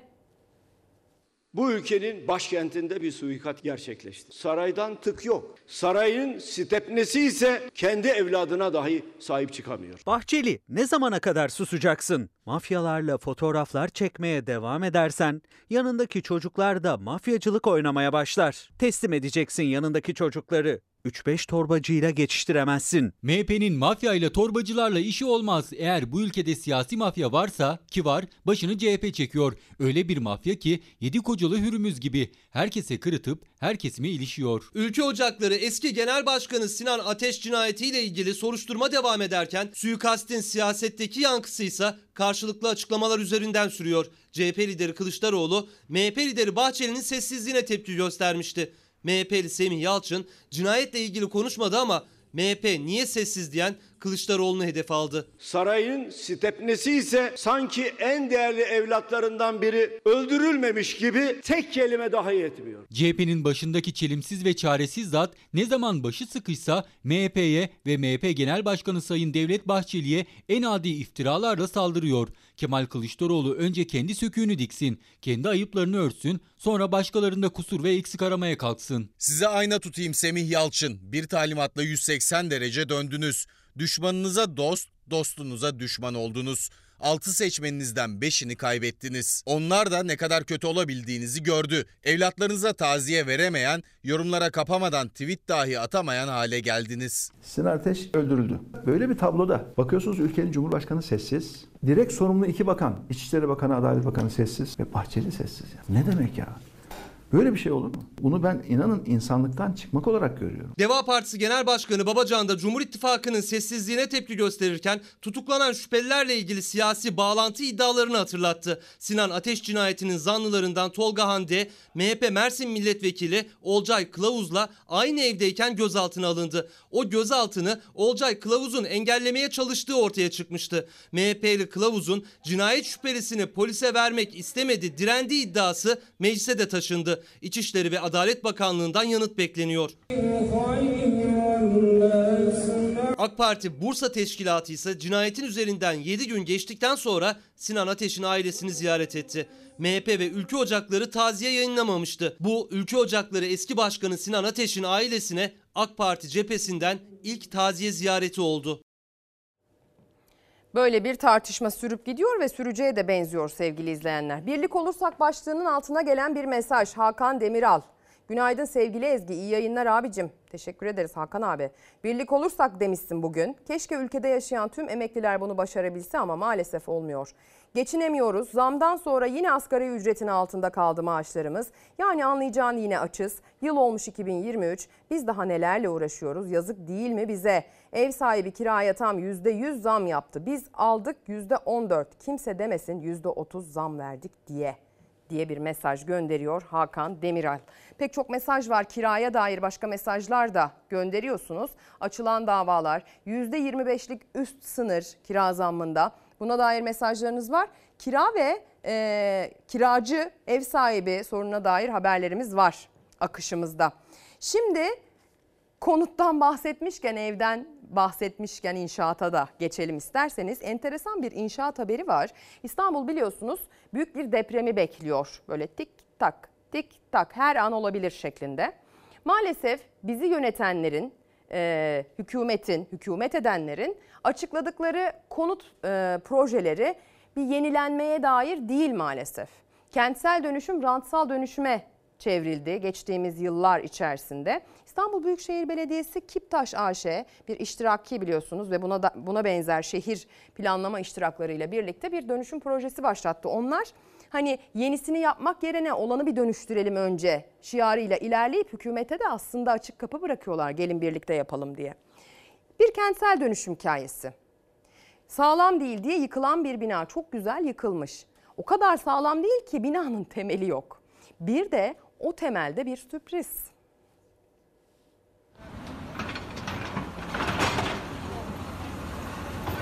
Kepçenin toprakla birlikte çıkardığı bir kaya parçası değildi. Önemli bir arkeolojik bulgu, bir lahitti. İstanbul'da kentsel dönüşüm temel kazısından bir tarih çıkabilir. Kentsel dönüşümü adı altında e, bina yıkılıyor. Çok eski zamanlara dayanan bir lahit bulunuyor. E, kemik parçaları bulunuyor. E, böyle işte polis bir önlem almış. Daha da kazıya devam edilecekmiş. Büyükçekmece Dizdariye mahallesinde kentsel dönüşüm projesi kapsamında yıkılan bir apartman yeniden inşa ediliyordu. Eski bina aslında temelsizdi. Yeni bina için temel kazılırken ortaya çıkan tarih ortaya koydu bu gerçeği. İnşaatın temelinden içinde kemiklerin olduğu bir taş mezar çıktı. İhbar üzerine olay yerine gelen polis ekipleri mezarın lahit olduğunu anladı ve hemen tedbir alındı. Eski bir mezar taşı çıktı içinden lahit gibi bir şey. E, millet toplandı direkt. Polis e, olay yeri olarak e, çevirdi etrafını. İnşaat çalışmasında e, yani millet e, kamyoncuların falan kaçtığını söylüyor. Lahitin altından altınlar falan çıktığını söylüyorlar. Kentsel dönüşümden olarak şey yapmışlardı. O durdu büyük ihtimal yani. Şu an iki tane e, taş görünüyor. Eğer hani lahittir veya başka bir şeydir bilmiyoruz. Lahidi uzmanlar incelemeye aldı. Bir inşaatın temelinden hangi tarih, medeniyet çıkacak şimdi araştırılıyor. Bir de tabii orada bir temel çalışmasının bir önceki inşaatta yapılmadığı gerçeğiyle de yüzleşilmiş. Daha önce temel kazılsaydı bu lahide daha önce ulaşılırdı sevgili izleyenler. Düşünün ki binada temel yok. Lahit dedik, Bir de mezardan devam edeceğiz aslına bakarsanız. Bugün pek çok gazete ilk sayfasından aktarmış, korkusuz manşete taşımış. Bir, tuvalet 10 lira oldu. İki, mezar yerine bile haciz konuldu. Ekonominin ne halde olduğunu gösteren iki haber. Faiz zamlar ve ödenemeyen borçlar vatandaşa darbe üzerine darbe vuruyor. İşte millete bu kadar da olmaz, geçim derdi mezarda bile bitmez dedirten acı gerçekler demişler. Halka açık tuvaletlerde enflasyon ve zamlardan nasibini alıyor. Sosyal medyada paylaşılan bir fotoğrafta Kadıköy'deki umumi bir tuvaletin kullanım ücretinin 10 liraya çıktığı görüldü. Vatandaşlar tepki gösterince Kadıköy Belediyesi harekete geçti. Fiyat 5 liraya çekildi. 5 ucuz mu? Bu ücret de fahiş bulundu demiş zaten aklın yolu bir. İşte umumi tuvaletin fiyat tabelası. Bir diğer başlıksa aslında borcunu ödeyemeyen ve icralık olanların mezarına dahi haciz geldiğini anlatıyor. Hadi biz o, haber, o haberi bizden dinleyin sevgili izleyenler. Lahit dedik şimdi de mezar diyeceğiz. Alacaklı olan herkes bu mezar yerleri için haciz talebinde bulunuyor ve bu talepler icra müdürleri tarafından da maalesef kabul ediliyor. Borçlu sayısı da icra dairelerindeki dosya sayısı da artıyor. Borcunu tahsil edemeyen borçlunun mezarına kadar haciz koyduruyor. Sosyal Güvenlik Kurumu da alacağı için mezarlığa haciz koymuş. Yani hacizi koyan da devlet kurumu olmuş oluyor. Haciz konulan mal da devlete ait bir mal olmuş oluyor ve burada ortaya e, değişik bir durum çıkıyor. İcra dairelerindeki dosya sayısı 24 milyon barajını geçti. Alacağını tahsil etmek isteyen şirket ya da kişiler borçlunun mezar yerine dahi haciz işlemi başlatıyor. Mezarlıklara haciz konulamaz. Yargıtay'ın da bu yönde kararları mevcuttur. Kredi kartı borcunu ödeyemeyen bir vatandaşın Mardin'deki mezarına 49 ayrı haciz işlemi başlatıldığı ortaya çıktı. 2016 yılındaki kredi kartı borcu 2022 yılına kadar ödenmeyince banka alacağını varlık yönetim şirketine devretti. Şirketin avukatı tahsilat için borçlunun adına kayıtlı olan araçlarına ve gayrimenkullerine haciz koymak için işlemlere başladı. Bu sırada borçlunun üzerine kayıtlı olan mezar yeri de tespit edildi. Alacağı dair Mardin'in Derik ilçesi Kovalı köyünde bulunan mezar yeri içinde haciz işlemi başlatıldı. Ancak varlık yönetimi şirketinin avukatı mezar yerleri için kendisinden önce 48 ayrı haciz olduğunu gördü. Kendisinin yaptığı işlemle mezarın üzerindeki haciz sayısı 49'a çıktı. Biz aslında hepimiz yanlış biliyoruz. Bir mezarlığı aldığımız zaman bunun bize tapusunun verildiğini düşünüyoruz. Ama aslında bize belediyeler sadece kullanım belgesi vermektedir ve mezarlıklar belediyeye aittir. Belediye malları da kamu malı olduğundan haczedilemez. Avukat Ceren Şarman yapılan haciz işlemi hatalı ve borçlunun itiraz etmesi gerekiyor diyor. Haciz işlemi hatalıdır ve borçlunun itiraz etmesi gerekir. Şimdi size Valide Bağ diyeceğim. Fox Haber olarak en başından beri yani aslında yıllardır takip ettiğimiz bir haber dosyası. Valide Bağ İstanbul'un ortasında çok merkezi bir noktada e, bir yeşil alan, cennetten bir köşe, verilen bir mücadele. O mahallenin, o semtin yaşayanları, sakinleri dediler ki yapmayın etmeyin burayı bize bırakın. Defalarca farklı müdahale yöntemleriyle Valide Bağ'da farklı yapılaşmalar arzu edildi ama sonuç olarak yapılmak istenen Millet Bahçesi projesi mahkemenin dur demesiyle sevinçle sonuçlandı.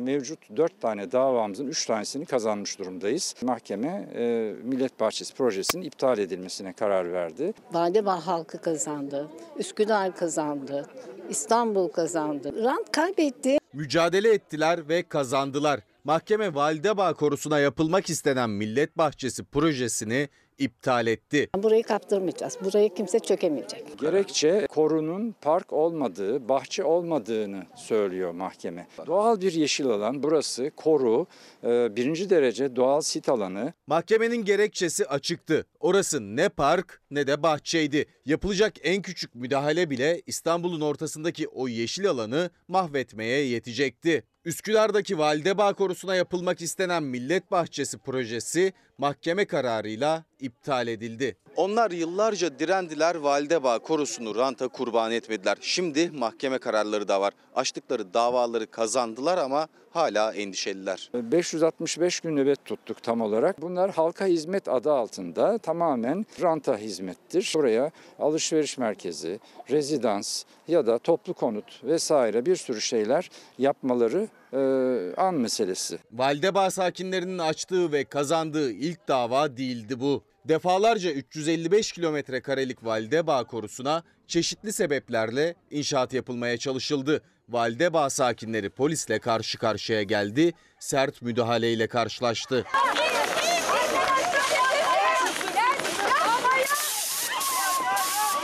Vazgeçmediler. Sonunda yapılmak istenen projelere mahkeme dur dedi. Mahkeme koruma kurulu kararlarını da iptal etti. Üçüncü davada Üsküdar Belediyesi'nin 2021 yılında açtığı bir e, ihale vardı. Akla zarar bir takım e, projeler.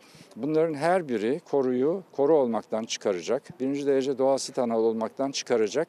E, gerçekten çok tehlikeli e, projelerdi. Burada çok büyük bir rant beklentisi olan projeler nedeniyle olay başladı. Ama tabii ki bitmedi. Bundan sonra mücadelemiz devam edecek. Vatanımıza, ülkemize, halka, çocuklarımıza, torunlarımıza bizim borcumuz. Burada vazgeçmemiz mümkün değil. Onlar şimdi kazandıkları davaların itiraz süreçlerini bekliyor. Davalar istinafa gider ve aleyhlerinde karar çıkar diye endişeleniyorlar. Ama bir yandan da vazgeçmemekte kararlılar. Kazandığımız davaların e, sonucu mahkeme kararları uygulanmayabiliyor. Yok sayılıyor. Bundan sonra da yolumuza devam edeceğiz. Mücadele aynen sürecek. Ercüment Akçay demiş ki birlikten kuvvet doğar millet olarak neler yapmadık ki diyor. Birlik olursak başlığı attık ya onun altına. E işte gördünüz birlik olur, olunursa neler olabileceğini sevgili izleyenler. İçinde bulunduğumuz süreç bize e, birlik olup verilen mücadelelerin sonuç aldığını sürekli yeni örneklerle gösteriyor. E, biz de bunların haberini aktarıyoruz. Bu süreci de o mahkeme süreçlerinin itiraz aşamalarını da tabii ki yakından takip edeceğiz. Ee, ümidimiz o ki artık o korunun etrafındaki alüminyum saçtan yapılmış çitlerin de kaldırılması. Birlik olursak rantsal dönüşümü kentsel dönüşüme dönüştürebilir ve mevcut kentsel dönüşümleri hızlandırabiliriz. Ama bazı durumlarda birlik olmak da yetmiyor demiş Sinan Sözmen e, gönderdiği mesajda. Çiftçiler de ses yükseltiyorlar. Sayın Erdoğan Cumhurbaşkanı dün itibariyle onlara taze taze bir takım müjdeler verdi. Milli Gazete diyor ki çiftçi ödeyemez, primler düşürülsün. TızOP Genel Başkanı yani Türkiye Ziraat Odaları Birliği Genel Başkanı Şemsi Bayraktar, çiftçilerin 2022'de 2158 lira 8 kuruş olan Tarım Bağkur primlerinin 2023'te 3452 lira 76 kuruşa çıktığını belirtti. Hazine teşvik indirimiyle 2952 lira 36 kuruş olan bu tutarı çiftçimizin ödeme imkanı bulunmuyor ifadesini kullandı diyor Milli Gazete Sür manşetten. Edirne'den Ziraat Odaları Birliği Başkanı'ndan hep destek talepleri geldi çiftçi için. Sayın Cumhurbaşkanı da seçim öncesi dizi dizi müjdeler açıkladı. Müjde krediyle borçlanmaya dair genel hatlarıyla. Bir bakalım o talep neymiş, ne kadarı karşılık bulmuş. Bugün vereceğimiz müjdeler ülkemizin toprak muhafızları, üretim akıncıları olan çiftçilerimizi daha da güçlendirmeyi amaçlıyor. Müjde yine borç. Çiftçinin zaten her tarafı kredi. İlk olarak çiftçi destek kredisini uygulamaya geçireceğimizin müjdesiyle başlıyoruz. Üretimi artmak için üretim yapan insanları, üreticileri desteklemek lazım. Daha fazla mali destek sağlanması, tarımsal desteklemelerin artırılması, ürün desteklemelerinin artırılması şarttır. Cumhurbaşkanı Erdoğan çiftçiye müjde üstüne müjde verdi. Kredi destek uygulaması, tarımsal kobi kredisi ve borç transferi kredisi olarak 3 maddede açıkladı müjdeleri. Ancak muhalefete göre çiftçi zaten borç içinde. CHP Edirne Milletvekili Okan Gaytancıoğlu borcu borçla kapatmak yerine destek verilmeli diyor. Besicilerde şart olanın destekleme olduğunun altını çiziyor. Çiftçi zaten borcunu takla attırıyor. Yani sürekli yapılandırıyor. Asıl verebiliyorsanız destek verin. Cumhurbaşkanı Recep Tayyip Erdoğan çiftçi kredi destek uygulamasına başlanacağının müjdesini verdi ilk olarak. Böylece çiftçilerimiz gelir elde edemedikleri dönemdeki ihtiyaçlarını rahatça karşılayabilecektir. İkinci müjdemiz tarımsal KOBİ kredisidir. Üçüncü başlığımız tarım borç transferi kredisidir. Çiftçi niye tarlasını terk ediyor? Niye traktörünü ipotek ediyor? Niye ahırını ipotek ediyor? Niye ineklerini satıyor? Çünkü düşük ürün fiyatları, yüksek girdi fiyatları bir de az destek alıyor. Tabii ki kredilere başvuruyor.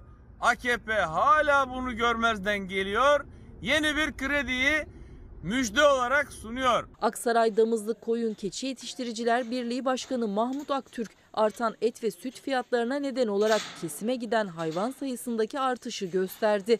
Besici desteklenmeli dedi. Şu anda hayvan sayımız azalmaya başladı. Azalmasıyla birlikte de üretim azaldığı için et ve süt fiyatlarının da e, yükseldiğini gördük. Bir dönem daha yükselmesini hep birlikte izleyeceğiz. Çiftçiyi sadece girdi maliyetleri değil, Bağkur primleri de zorluyor. Bağkur primleri 2023 yılında zamlandı. Türkiye Ziraat Odaları Birliği Genel Başkanı Şemsi Bayraktar, çiftçiler için ödemek imkansız hale geldi dedi. Çözüm istedi. Çok sayıda çiftçimiz tarım bağkur primlerinin çok yükseldiğini, bu yılın her geçen yıldan daha zor olduğunu, mazota, ilaca, gübreye, tohuma, yiyecek aşımıza, okuttukları evlatlarına para yetiştiremediklerini, şu anki prim miktarlarını ödemenin emekliliğin hayal olduğunu dile getirmektedirler.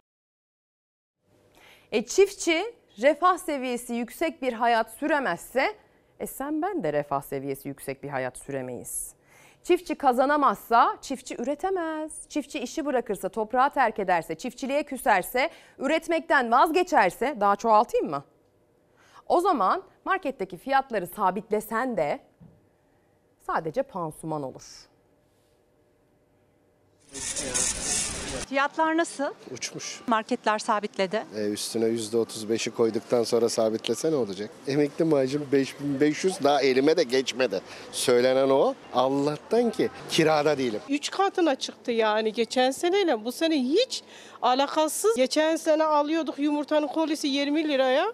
Şimdi olmuş 75 lira. 5 kişilik bir aile mesela haftada bir koli yetmez ya normal yerse. Zincir marketler birçok üründe fiyatları sabitleme kararı aldı. Ama tüketiciye göre bu da yüzleri güldürmeye yetmedi.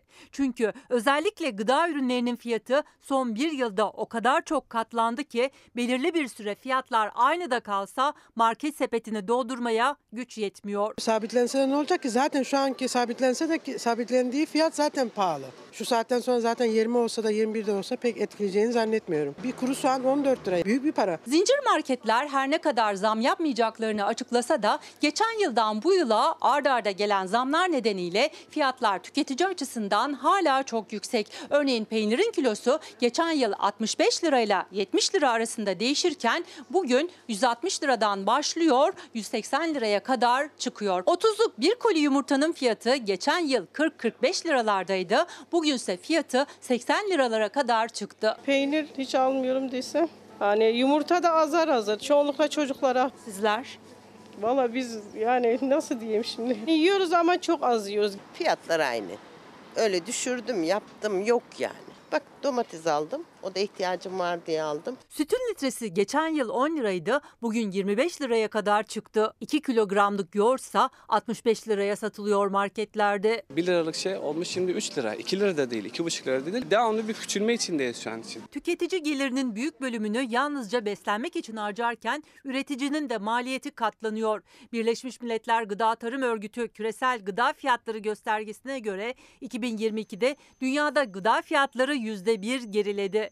Türkiye'de ise gıda enflasyonu %77 arttı. Fiyatlar nasıl? Gene aynı. Değişen pek bir şey olmadı. Kırmızı biberin fiyatına bakıp orada 30-40 lira gene. Hani eskiden aldığımız fiyatta değil fiyatlar. Diyelim ki şuradan e, bir kilo alacağına 3 tane alıyorsun. Şu anda iki tane alacağım, iki üç tane daha alacağım. 30 liralık kıymamızı alıyoruz. Yarım kilo alıyoruz domatesimizi. Biberlerimizi öyle alıyoruz. Fazla alamıyoruz yani. Artık kiloyla değil gramla ya da taneyle alıyor tüketici. Özellikle emekli ve asgari ücretli temel gıda maddelerine bile erişmekte zorlanıyor. Emekli maaşı yüzde 25. Asgari ücret 8,5. Peynir, zeytin yanına varamıyoruz zaten. Yarım kilo yiyeceğini 250 grama düşürdük. Süt, yoğurt 2 ayda bir yiyoruz yani. Kiradayız. Yetiştiremiyoruz yani. Bak sayarak korkuyla alıyoruz. Şimdi bir anmamız var sevgili izleyenler. Bir gün gazetesi de ilk sayfadan Metin Göktepe ismini anmış. Gazeteciliği hala yaşıyor diyor başlıkta. Evrensel Gazetesi muhabiri Metin Göktepe 27 yıl önce bugün haber takibi sırasında gözaltına alınarak polis tarafından katledildi. Ablası Meryem Göktepe bugün tüm baskılara rağmen iyi ki hala Metin Göktepe gazeteciliği var ve yaşıyor dedi diyor. Metin Göktepe gazeteci dendiği zaman ve gazeteciliğin, basın özgürlüğünün, basına müdahalenin e, konuşulduğu her ortamda akla gelen bir isimdir. Bugün saat 11'de Esenler'de Kemer Mezarlığı'nda meslektaşları, ailesi sevenleri onu anacaklar. Basın şehidi Metin Göktepe'nin vefatının 27. yılında sevgili izleyenler. Biz de anmadan geçmek istemeyiz. Şimdi reklama gideceğiz. Reklamdan döndükten sonra size hayatın içinden size ayna, kendimize ait pek çok haberle e, maratonu sunmaya devam edeceğiz. Günaydın sevgili izleyenler. Ekran başına bir kez daha hoş geldiniz. Çalar Saat hafta sonu kaldığı yerden devam ediyor. Eğer aramıza yeni katıldıysanız, ekran başına yeni geçtiyseniz, Fox'a yeni zapladıysanız e, size ayrı bir günaydın, ayrı bir hoş geldin diyelim. Sabahın erken saatlerinden bu yanaki 8.30'da başlıyoruz. Pek çok haberi aktardık. Pek çok Türkiye'den, dünyadan gelişmeyi ekrana taşıdık. Ekonomiden, çiftçiden, gıda fiyatlarından, marketten, kiradan bahsetme fırsatımız oldu özellikle esnafın kirasından. Bir diğer esnafın kira derdi sorunu haberiyle devam edeceğiz şimdi de. Gazeteleri de okuyacağız, mesajlarınızı da okuyacağız. Pek çok mesaj e, gel, geldi reklam arasında hepsini okuma şansına sahip oldum. Onlardan da biraz aktarmak isterim sizlere sevgili izleyenler. Gelen mesajlar aslında sesini duyurmak isteyenlerin e, serzenişleriyle dolu. Gelen mesajlar emeklinin mesajıyla dolu. Mesela Okan Bey seçimlerle ilgili çok ciddi bir endişe içerisinde. Ee, seçimlere kısa bir süre kala altılı ittifak aralarında anlaşmazlık yaşayıp e, memleketi yine teslim edecekler. İnşallah HDP aday çıkarmaz da Millet İttifakı'nın adayını destekler. Aksi takdirde seçimler ikinci tura kesin kalır. O zaman tehlike çanları çalar mesajını göndermiş. Mustafa Yönlüer ise fiyat sabitleyen marketlere e, eleştirisini yöneltiyor. Öyle diyenler marketler bir gün öncesinde ürünlere en az %30 zam yaptılar ki kandırmasınlar kimseyi. Mesajını göndermiş. Emekliyim 10 yıldan fazladır 10 bin borcum takibe düştü. 100 bin istiyorlar. Şu varlık şirketleri psikolojime bozdular. Ödeyeyim ödeyeyim de bana verdikleri zamla nasıl ödeyeyim diyor. Fatih Mehmet Akkoyun gönderdiği mesajda. Birlik olursak başlığını attık. Mesajlarınızı bekliyoruz. Şimdi kira derdi için esnafın bu kez Edirne özelinde bir parantez açacağız. Arasta Çarşısı tarihi bir çarşı. Ee, sevgili izleyenler Mimar Sinan eseriydi yanlış hatırlamıyorsam. O çarşıdaki dükkanlar, o çarşıdaki esnaf diyor ki alım gücü zaten düştü. Bizi artık bu dar boğazdan çıkarın. Alım gücü düştü işim. Bizim de satış gücümüz düştü.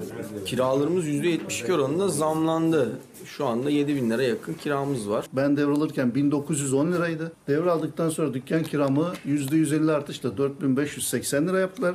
Şu anda da 7990 lira Şu oldu. anda da %72 artış uyguladı. Yani toplamda %415 6 ay içerisinde dükkanıma zam yapıldı. Sadece 6 ayda kiminin kirası %70, kimininki ise %415 zamlandı. Üstelik onlar kişilerin değil, Vakıflar Genel Müdürlüğü'nün kiracıları gelirleri kiralarıyla aynı oranda artmadığı için zor durumdalar. Devlet eliyle yapılan fahiş zamların geri çekilmesini istiyorlar. Vakıflar gibi kar amacı gütmeyen bir kurumun, kar amacı gütmemesi gereken bir kurumun bana 6 ayda %400 zam yapması, benim yani Esnaflarımızın kira artışının mümkünse hiç olmamasını ama eğer olamıyorsa da en azından %25 ile sınırlanmasını istiyoruz. Edirne'de tarihi Arasta Çarşısı'nda dükkan işleten esnaf zaten havaların soğumasıyla müşteri kaybetti. Çoğunlukla yerli turistin geldiği çarşıda eskisi kadar alışverişte yapılmıyor esnafın iddiasına göre. Çünkü tüketicinin alım gücü de eridi. Zaten darboğazda olan esnafa bir de kira zammı yüklendi. Vakıflar Genel Müdürlüğü'ne ait bazı dükkanların kirasına 6 ayda 3. zam yapıldı. Vakıf yetkilisi gelerek boş kağıtlara imza attırdı bize. Ondan sonra da e, ayın 3'ünde de e, normal e, kira kontratlarını yapmak için e, bildirim yaptılar. Tabii ki zor bir günden geçiyoruz ama e, devlet olarak da devlet kiracısına da destek olunmasını bekliyoruz. Yani biz konut kiracısı değiliz ama devletin de yoldaşıyız aynı zamanda. E, Araslı Çarşısı esnafı olarak e, yapılan zamlar, kira zamlarından çok fazla etkilendik. Hele bu kış şartlarında hiçbir şekilde çıkmaz. Masraflarımız çıkacak durumda değil. Giderlerini karşılamakta zorlanan çarşı esnafı dışarıdaki diğer dükkanlarla da rekabet edemez hale geldi kira zamlarının ardından. Çarşıda şimdi benzer işi yapıyoruz tüm esnaflarla. E ben 3000 lira kira ödeyenle yapamam değilsin. ki yani yapamam ki hiçbir şey. O adam her türlü indirimini de yapar. Yok kapandı. Ne bileyim Yok kapandı. e, müşterisiyle de ilgilenir ama ben bir şey yapamam. Elimden hiçbir şey gelmez. CHP Edirne Milletvekili Okan Gaytancıoğlu'na derdini anlatan esnaf dükkan kiralarına da konut kiralarında olduğu gibi bir üst limit getirilmesini istedi. Esnafımız zaten iş yapamıyor. Elektriklerini yakamıyor. Esnafımız e, dükkanlarında üşüyor. Bağkur primini ödeyemiyor. Evine de ekmek götüremiyor. Sattığı malı da yerine get- koyamıyor. Şartlar malum, ekonomik sıkıntı zaten malum ama yapılacak artık büyüklerimizden e, insaf, merhamet bekliyoruz.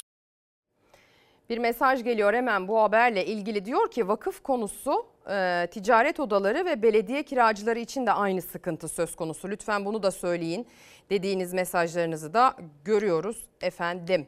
Kademeli emeklilik istiyoruz. 2000 girişliyim 17 sene beklemek zorundayım diyor Mete Bey. Pek çok böyle mesaj var. Hepsinin adına bunu okumuş olayım. Gelen mesajlara şöyle bir bakacağız, devam edeceğiz ama tabii ki biraz sofradan da bahsetmek istiyoruz. Geçtiğimiz hafta içinde tavuğa 5 lira zam geldiği haberini bu ekranlardan izlediniz sevgili izleyenler. Ee, özellikle e, tavuğa gelen zam, ete zaten gelmeye devam eden zam kırmızı ete ne yapıyor? Dar gelirliyi, emekliyi, asgari ücretliyi et yemekten, sofrada ete yer vermekten gün gün uzaklaştırıyor. Ama son dönemde balık bol neyse ki. Tabii yine e, mazot maliyeti, nakliye maliyeti işte tezgaha gelene kadar üzerine binen fiyatlar eskiye nazaran daha yüksek de olsa denizdeki bolluk bir miktar da olsa tezgaha yansıyor. Palamut evet çok yedik. Palamut, hamsi, kaya balığı, barbun. Yani fiyatlar pahalı ama pahalı olmasına rağmen mecburen almak zorundayım. Hastam vardı. Fiyatlar gayet uygun şimdi. Etle tavukla kıyaslarsak balık şu an bedava. Yani bu sezon balıkçının en fazla balık sattığı ve balık tuttuğu sezon. Balıkçılar arka arkaya zamlanan et ve tavukla kıyasladığı fiyatlar uygun dedi. Tüketicinin de işte bu sebeple yediği et balık olabildi bu sene. Deniz de yüz güldürmeye devam ediyor. Sezon bol miktarda balıklarla devam ediyor. Şu an hamsinin fiyatı 40 lira. Gayet iyi. Hamsinin boyu da büyüdü. Yağlandı. Güzel. Vatandaşın ilgisi de hamsiye güzel. Onun yanı sıra mezit balığı satılıyor. 25 lira 30 lira civarında kilo fiyatları. İstavrit balığımız var 60 lira kilosu. Barbunya 40 lira. Somon balığı var 70 lira. Levreğimiz var 140 lira. Çupramız var 100 lira. Fiyatlar uygun. Ee, somon bol, mezgit bol, çinekop var 50 lira.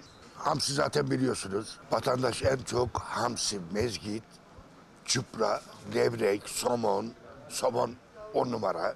Hamsi 40, Karadeniz somonu 70 lira. Karadeniz'de de havaların sıcak gitmesi balıkçıları biraz endişelendiriyor. Çünkü kış soğuğu gerek balık için. Aksi halde fiyatlar balıkta da yeniden yukarı çıkabilir. Tabii hava sıcak olduğu zaman balık denizde kayboluyor. Soğuk hava olduğu zaman balık denizde daha kendini gösteriyor ve balık bol oluyor.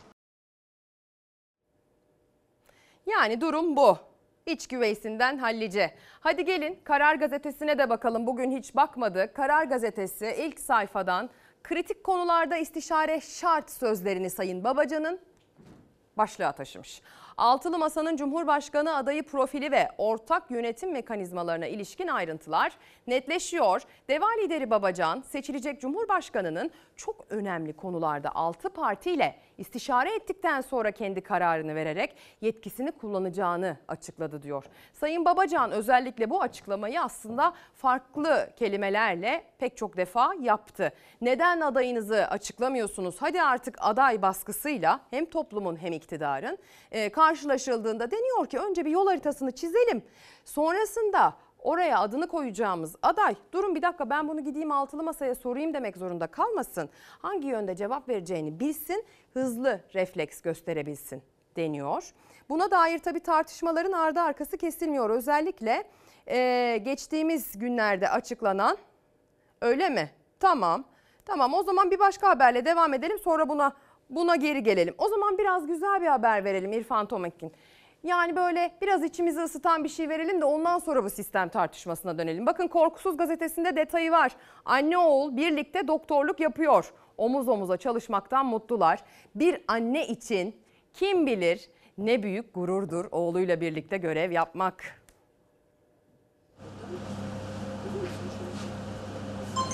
kanser öyküsü olan hastaların patolojik kırıkları oluyor. Onun için e, hastalardan biyopsiler alınıyor ya da parçalar alınıyor, kemik parçaları alabiliyor. Onları biz patolojiye gönderiyoruz ve burada patolojide annem bakıyor onlara da. Profesör anne ve asistan doktor oğlu aynı hastanede, aynı bölümde görev yapıyor. Annesinin izinden giden 24 yaşındaki Oğuzhan Karaman İstanbul'da okuduktan sonra Kayseri'ye, şehir hastanesine, annesinin kurduğu bölüme girdi. Hem doktorluk hem de aynı hastanede çalışma hayalleri gerçek oldu anne ve oğlun. Oğlumun burada olması bana ayrı bir güç, sevinç, mutluluk veriyor. Bana güven veriyor. Hiç hayal etmezdim böyle bir şeyi. Ee, ama e, çok istediğim bir şeydi.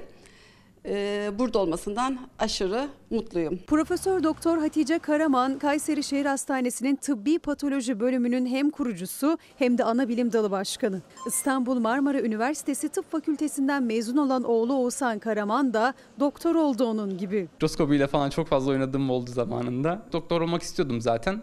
E, Bu yönde ilerledim. Çok zor bir işi çok severek yapıyoruz. İlk girdiği sınavda da e, kendi isteğiyle ve severek e, ortopedi e, uzmanı olmaya karar verdi. Hem doktor oldu 22 yaşındaki Oğuzhan Karaman hem de uzmanlık sınavı sonrası annesinin uzmanlığını ve hastanesini yazdı.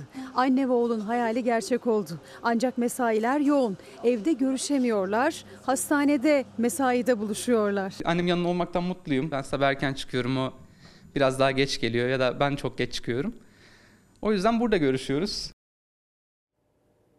Evet evde görüşemeyince mecbur iş yerinde görüşüyorlar. Çünkü işleri çok yoğun.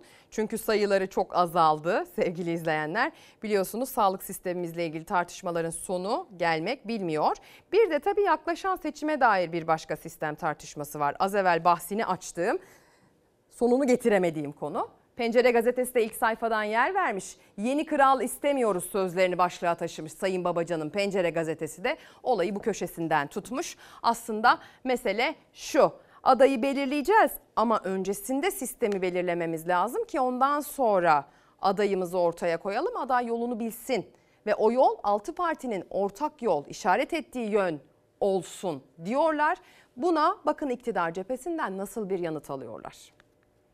Tek vaatleri yine aynı düzeni geri getirmek. Ama yapamayacaksınız.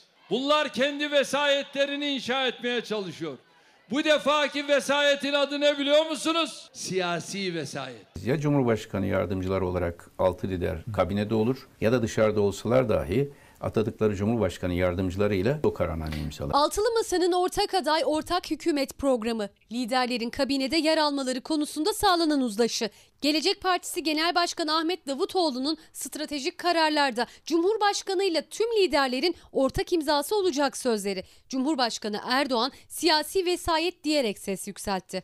Millete söyledikleri sözleri uygulayabilecekleri hiçbir hukuki zemin mevcut değil. Bunlar kendi kaoslarını oluşturmaya çalışıyor. İmza bir yasa gereği ya da anayasa gereği değil. Altı partinin kendi içerisinde oluşturduğu ortak hukukun gereği olarak olacak. Ama çok önemli kararlar, örnek veriyorum. O hal ilan edilecek değil mi? Bunun herhalde bir konuşulması lazım ya. Bunlar 6 tane lider Türkiye'yi yönetecek bir cumhurbaşkanı adayı değil, 6 lideri idare edecek bir özel kalem müdürü arıyor. Biz yeni bir Erdoğan seçmiyoruz. Yeni Erdoğan seçmediğimiz için de ortak akıl, istişare ve uzlaşma diyoruz. Öyle anlaşılıyor ki altı artılı masanın etrafında oturanlar eş cumhurbaşkanlığı sistemi gibi bir sistemi millete teklif etmeyi düşünüyorlar. Eski sistemde çok önemli kararlar için Bakanlar Kurulu kararı gerekiyordu. 2018'e kadar Türkiye'de 25, 28, 30 tane imza gerekiyordu. Ve bakanlardan bir tanesi imzalamasa Bakanlar Kurulu kararı çıkamıyordu. Bakın bunları da unutuyoruz. Babacan yükselen seslere parlamenter sistemde uygulama böyle diyerek yanıt verdi. Altılı Masa'nın Cumhurbaşkanı adayıyla birlikte ülkeyi nasıl yöneteceğine dair programına liderlerin kabinede yer alacak olmasına Cumhurbaşkanı Erdoğan gibi iktidar cephesinden kim konuşsa vesayet dedi. Akşener dengeleri değiştirdik dedi. Ey milletim, İyi Parti kurulmamış olsaydı, pek çok şeyi feda etmemiş olsaydı, bugün 13. Cumhurbaşkanı Altılı Masa'nın diyebilir miydik? Bazılarının sinir sistemi bu derece bozulabilir miydi? Bunlar %50'den fazla oyla seçilecek bir cumhurbaşkanına sen anayasadan aldığın yetkiyi ve görevi kullanamayacaksın diyorlar. Biz anayasayı ihlal edeceğizin itirafıdır. Cumhurbaşkanının elini kolunu bağlayacağız. Altı imza olmadan hiçbir adım atamayacak, yerinden oynamayacak. Öyle bir şey değil. Çok önemli kararlarda önce altı partiyle istişarelerini yapacak. Sonra o kendi yetkisini kullanacak. Bir anayasa değil, yasa değil. Bu millet eş cumhurbaşkanlığı sistemi girişimlerine itibar etmez. Bir kişi aklına sen yapacak mı? Yoksa o bir kişi kendi destekleyen partilerle istişare içerisinde bu e, yet- anayasal yetkilerini kullanacak? Günlük pek çok konuda Cumhurbaşkanı kendi yetkisini rahatça kullanabilecek. Altılı Masa'nın stratejisi yol haritası tartışılırken seçimin kazanılması halinde liderler kabinede olacakları için milletvekili olamayacaklar. Bu engelin de daha sonra yapılacak bir iç tüzük değişikliğiyle aşılması gündemde. Şimdi ekonomiden devam edelim sevgili izleyenler. Çünkü hangi sistemle yönetildiğimiz içinde demokrasinin sos şeklinde mi yoksa ana eksen şeklinde mi var olduğu biraz ekonomimizi etkiliyor ya hani biraz birazcık.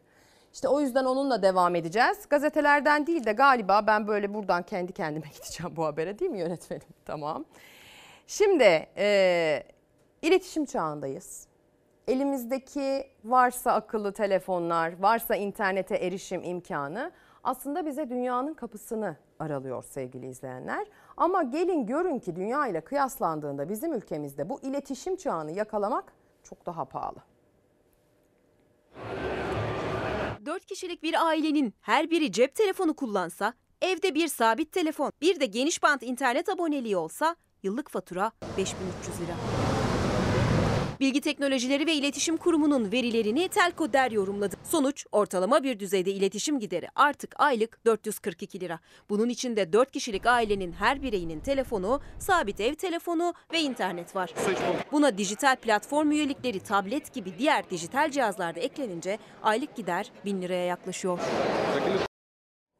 Adem Yiğit Doğan diyor ki arılar birlik olursa bal yapabilir. Bizler de birlik olursak toplum olarak aşamayacağımız hiçbir güç yok. Yeter ki toplum olmanın bilincine varalım diyor. Birlik olursak başlığımıza gelen bir mesaj Adem Bey'den. Benim 4 yaşında bir oğlum var. Cüneyt Bey göndermiş mesajı. Allah bağışlasın. Eğitim sistemi bu şekilde giderse yani Okulun açılış saati sabahın karanlığında olursa oğlum aç ve uykusuz okula gidecekse ben kesinlikle oğlumu okula göndermeyeceğim diyor. Göndereceksiniz Cüneyt Bey, göndermelisiniz. Ama evet koşulların iyileştirilmesi gerekiyor. Bakın birazdan bekleyin bir özel okul haberimiz olacak. Ee, sizi yakından ilgilendireceğini tahmin ettiğim bir haber. Ama şimdi yine eğitime dair ama bir kadının e, umut veren hikayesini içeren bir haberle devam edelim. Siz misiniz alay eden diye bir başlıkla posta manşete taşımış bu hikayeyi Sema 5 yıl önce çiftlikte attan düştü. Arkadaşları kendisine güldü. O da inat etti, at satın aldı, biniş tekniğini geliştirdi. Sonra da bunun okulunu okudu. Şimdi antrenörlüğünü yapıyor. Atlı terapiyle engellilere şifa oluyor. Her şey attan düşmenize mi başladık hocam? Evet. Attan düşmem ve arkadaşlarım üzerime gülmesiyle. Kader onun için tam orada o anda yön değiştirdi. Bir gün attan düşüp de arkadaşları tarafından alay konusu yapılınca at antrenörü olmaya karar verdi. Şimdi yeni antrenörler yetiştiriyor. Kendimize bir çiftlik açtık arkadaşlarla. 16-17 tane atımız falan oldu. Ondan sonra gittim bu bölümü okudum. At antrenörlük bölümünü okudum. Oradan mezun oldum. Erzurumlu Sema Tekin için 5 yıl önce gittiği çiftlikte attan düşünce kendisine gülen arkadaşlarına inat. Önce bir at satın alıp biniş tekniğini geliştirdi. Ardından Atatürk Üniversitesi Meslek Yüksekokulu at biniciliği ve hipoterapi bölümünü bitirip at antrenörü oldu.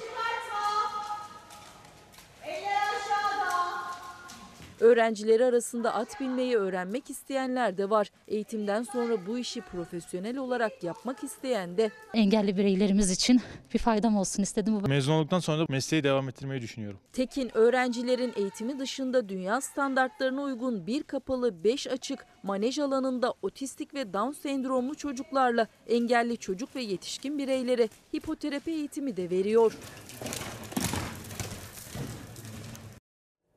EYT konuşulurken Bağkurlular mutsuz 5000 iş günü 9000 iş günü mutlaka düzeltilmeli diyor. Bu mesaj da çok geliyor. Bunu da okumuş olalım bir kez daha. Posta gazetesinin ilk sayfasına da yansıyan ve bizim de çok hoşumuza giden bir başka hikaye. Kaç yaşındasınız bilmiyorum sevgili izleyenler ama istatistikler televizyon izleyicilerinin daha çok 40 yaş ve üzerinde olduğunu söylüyor. Ee, zannediyorsanız ki eğer bu yaştan sonra artık köşeme çekilmem gerekiyor. Bu yaştan sonra artık hayattan elimi eteğimi çekmem gerekiyor. Yanılıyorsunuz. Çünkü sevmenin, eğlenmenin, düğün yapmanın, gelinlik giymenin yaşı yok.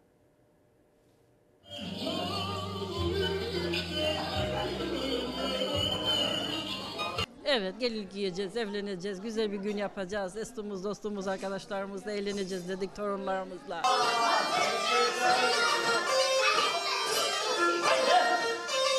Torunlar, oğullar, kızlar, gelinler, damatlar öyle bir düğün yaptılar ki birbirinin elini bırakmayan çiftin tüm sevdikleri yanlarındaydı.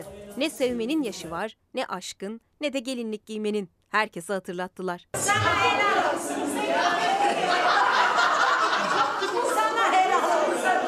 Babaannemle dedemin düğününü gördüm. Çok şaşırdım. Okula gidince bütün arkadaşlarıma anlatacağım. Birbirini seven genç bir çift. Biri 60, diğeri 73 yaşında. 40 yıldır aynı yastığa baş koymuş, 3 evlat, 5 torun sahibi olmuşlar. Vallahi annem diyordu ki ben kırkında bir düğün yapacağım. Kırkında bir düğün yapacağım. Babam da dedi ki tamam yaparız, tamam yaparız. Ee, düğün yapmadım. Ee, gelinlik giymemiştim. Ee, kırkımda bir 40. yıl, yıl dönümünde bir düğün yapmayı istedim. Annemi beyazlar içinde gördüğümde çok heyecanlandım. Çok güzel olmuş. Prensesler gibi olmuş. Ama helal olsun yani. Dedin yaptın ama çok güzel olmuşsun. Vallahi çok güzel olmuşsun. Çok güzel olmuşsun iltifatını düğünün müzisyenliğini yapan kendi evladından aldı gelin. Rize'de yaşayan baştopçu çiftçinin düğününde sadece aşık çift değil tüm misafirler çok eğlendi. Bir kafeyi düğün salonuna çeviren çift gönüllerince eğlendi.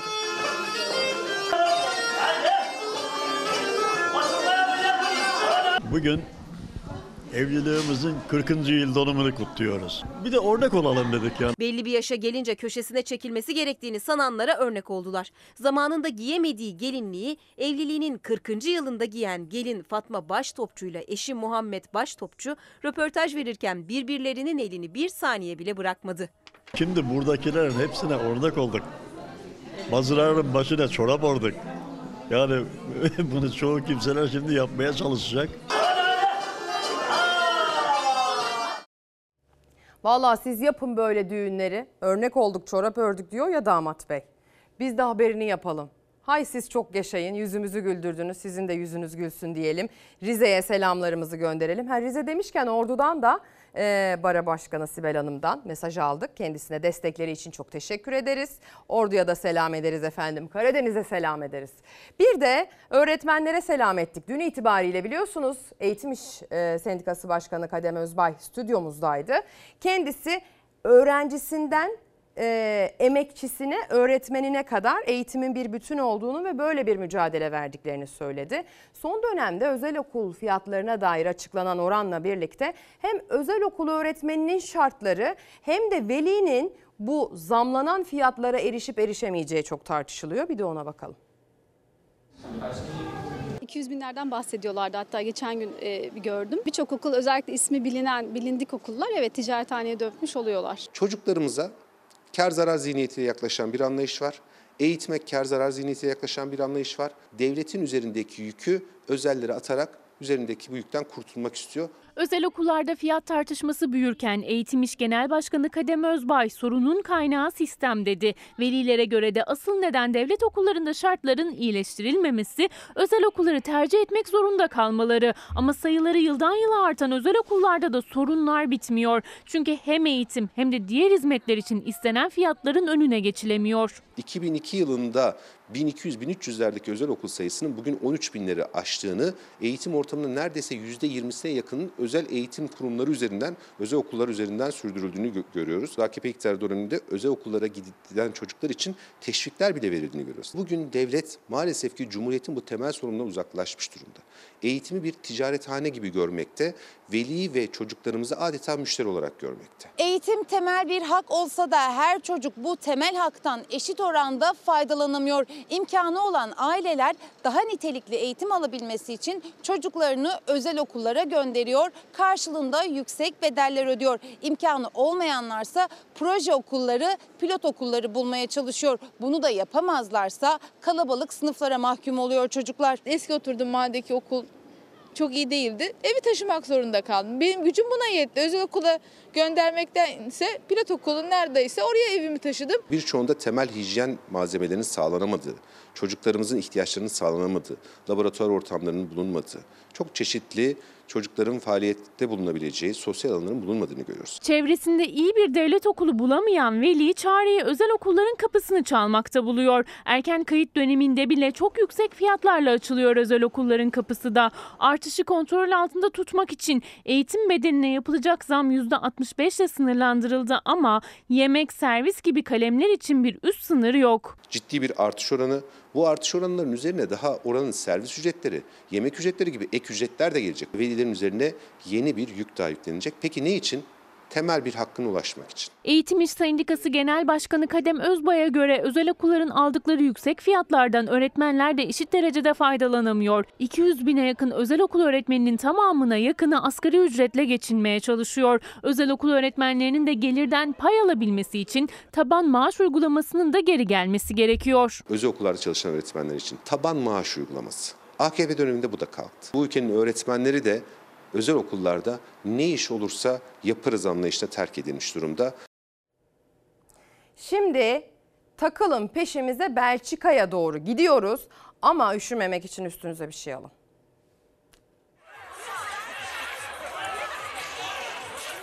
Önce dans edip ısındılar, sonra buz gibi suya daldılar. Belçika'da geleneksel yeni yıla dalış etkinliğinde 5000 kişi ilginç görüntüler oluşturdu.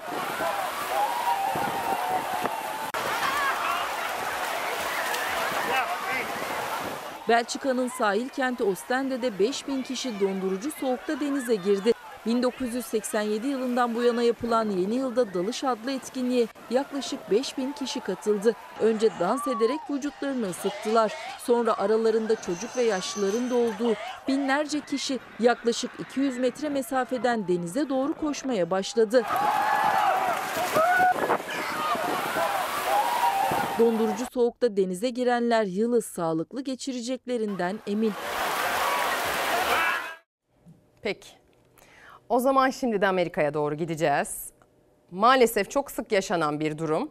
Ee, Amerika'da çok şükür bizde öyle değil. Polis şiddeti.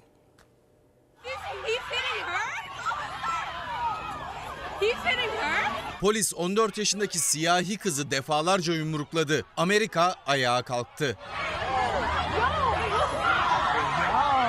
We are going to look at the body uh, cam. ABD'de polis şiddetinin hedefi bu kez çocuklar oldu. New York'ta kavga ihbarına gitti polisler. Kız öğrencilerin kavgasına müdahale ettiler. Kızlar kardeşimden büyüktü, onu dövüyorlardı. Tabii ki de müdahale ettim. Ne olduğunu bile bilmiyordum. Sadece oraya koştum. Polislerden biri 12 yaşındaki siyahi kızı kelepçelemek isteyince tartışma çıktı. Kızın 14 yaşındaki ablası engel olmak istedi. Polis bir anda kızı yumruklamaya başladı. Çevredekiler engellemeye çalışsa da defalarca vurdu küçük kıza. O acımasızca yumruklarken diğer polis de kaçmaması için kızı tutuyordu.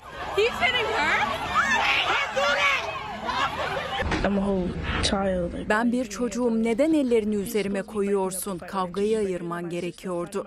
Görüntüler sosyal medyada yayınlandı. Tepkiler çığ gibi büyüdü. New York Emniyeti 14 yaşındaki kızı yumruklayan polisin açığa alındığını, diğer polis hakkında da soruşturma başlatıldığını açıkladı. Var var bizde de var ama bu kadarı yok. Bu kadarı ve bu sıklıkta asla yok ama bizde de var. Var yani. Şimdi sıradaki haber için sizden bir ricam var. Sosyal medyada, televizyonda veya başka bir yerde gördüğünüz zaman içiniz acıdığı için e, gözünüzü kaçırmak istiyorsunuz biliyorum ama lütfen kaçırmayın. Kampanyamız çok yavaş ilerliyor. Yani bebeğimiz her geçen gün kas kaybediyor. Her geçen gün kas kaybediyor Coşkun, Mehmet Ayaz ve Umut Ayaz. Her SMA hastası bebek gibi onlar da tedavileri için gerekli paranın toplanmasını bekliyor. Bizim böyle bir paramız yok. Yani nasıl yapacağımızı şaşırdık. Coşkun Çakır 13 aylık SMA hastası. Ailesi fizik tedaviyle kaslarını güçlendirmeye çalışsa da hastalığı geriye götürüyor Coşkun'u. Onun da tedavisi yurt dışında. Gidebilmesi için, ilacı alabilmesi için milyon dolarlar gerekiyor. Bize ekmeğinizden bir kırıntı verin. Ben oğlumu yaşatmak istiyorum. Lütfen duyun, görün. Çocuğumun size ihtiyacı var. Sizden gelecek bağışlara ihtiyacı var.